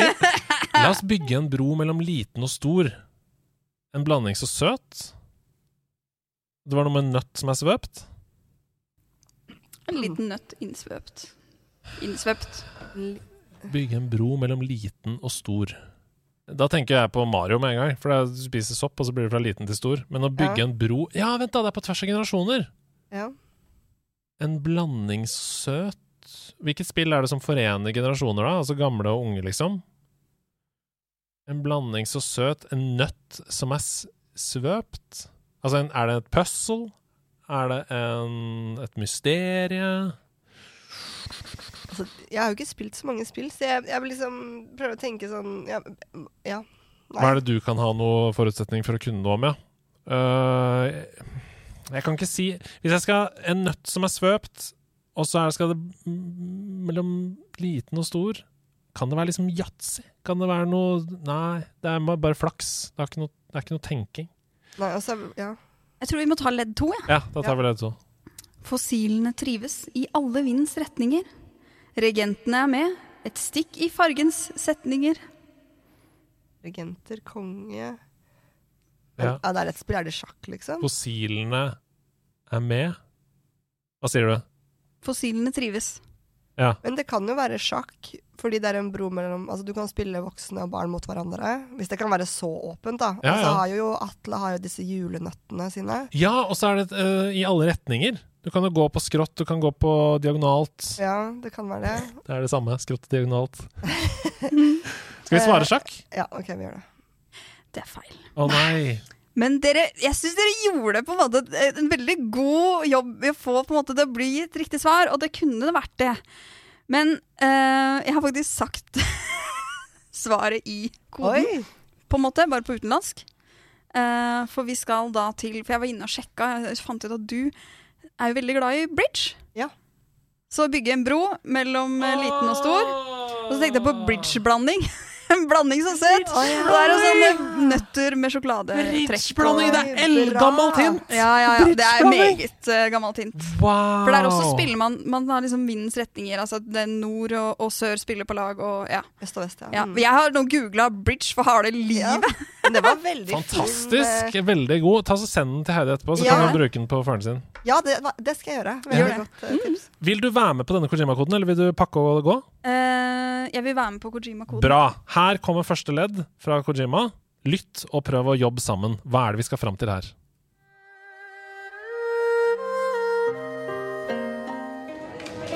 It's it's a beautiful, beautiful game that's been played since the 1920s. The men went to work, the women were home with their children who didn't work that much, and I think it just really got to be a woman's game. Jeg har noen tanker. Har du noen tanker? Nei, det virker som det startet i 1920, var det det du Ja, sa? og jeg tror vi skal til Østen. Det hørtes sånn ut. A women's game. Ja, jeg tenker sånn der, Er det det derre kinasjakk? Men tror du, det, tror du ikke det fantes før 1920? Det virker så Jeg eldgammelt. Men farmor var helt rå i kinasjakk. Ja. Skal vi prøve Eller liksom mayong eller Ja, men mayong Ja, jeg tenker, jeg tenker kinasjakk av en eller annen grunn. Ja, skal vi prøve det? Eller skal vi høre noe mer? Skal du, får du Her er det ikke låse svaret, nei. Her Nei, kan er dere bare gjette, og så Ok, da sier jeg prøver vi det. Dere prøver kinasjakk? Mm. Feil. Her kommer ledd nummer to. Lytt. It's a great traditional game. You know, one generation plays it after the other. But the beauty of the tiles are there. You know, the picking, the throwing, the clacking of, of the sound. It, it's, it's wonderful. OK, jeg tenker enten domino eller mayong. Ja. Mm. Clicking of the tiles. Men tror du Mayong Det oppleves for meg som et mye eldre spill, men kanskje ikke. Nei. Og Domino egentlig også, men Domino oppleves litt nyere. Mm. Men uh, hvis det er i Østen Mm. er kanskje Mayong, da. Skal vi prøve det? Og kaster du liksom the clicking of the tiles, gjør man Nei, det er sant, det. Skal vi teste Mayong? Ja. Teste Mayong Det er helt riktig! Bra! Og det er en curveball, for det er jo in the United States det er spilt siden the 1920s. Men hvorfor var det sånn? Ja, fordi at det er et ja, Dette er uh, den kvinnelige mahjongforeningen i USA som snakker om uh, mayong. og det var veldig bra resonnert! Du var på de allerede første ledd. Mayong and the clicking of the tiles, og du hørte når de brenner utover bordet der. Fin lyd. Tusen takk for en fantastisk innspilling, Heidi. For en Ja. kjempefin episode. Det har vært helt nydelig å få lov til å snakke med deg. Det har vært så hyggelig å være her. Tusen takk. Og jeg gleder meg. Alle de spillene dere anbefaler, send de til meg. For jeg har ikke barn. Når jeg blir gammel, så skal jeg ligge på gamlehjemmet. Så skal Ja. jeg spille alle spillene jeg ikke har spilt hele livet. Begynn allerede i dag, er vårt svar. Tusen takk for at du hører på, kjære lytter. Gå inn på nerdelandslaget.no, fiks deg merch med spillhjul, 14 rabatt. Fiks deg drakt. Vi må kle hele nerdelandslaget opp. Vi må kle opp Heidi! Hva skal du ha på drakten din? Eh, åtte. Og eh, small fry. Small fry 8! Det er en deal! Vi fikser størrelser etterpå.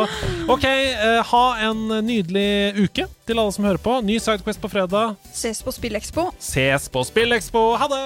Ha det! En gang til! En gang til!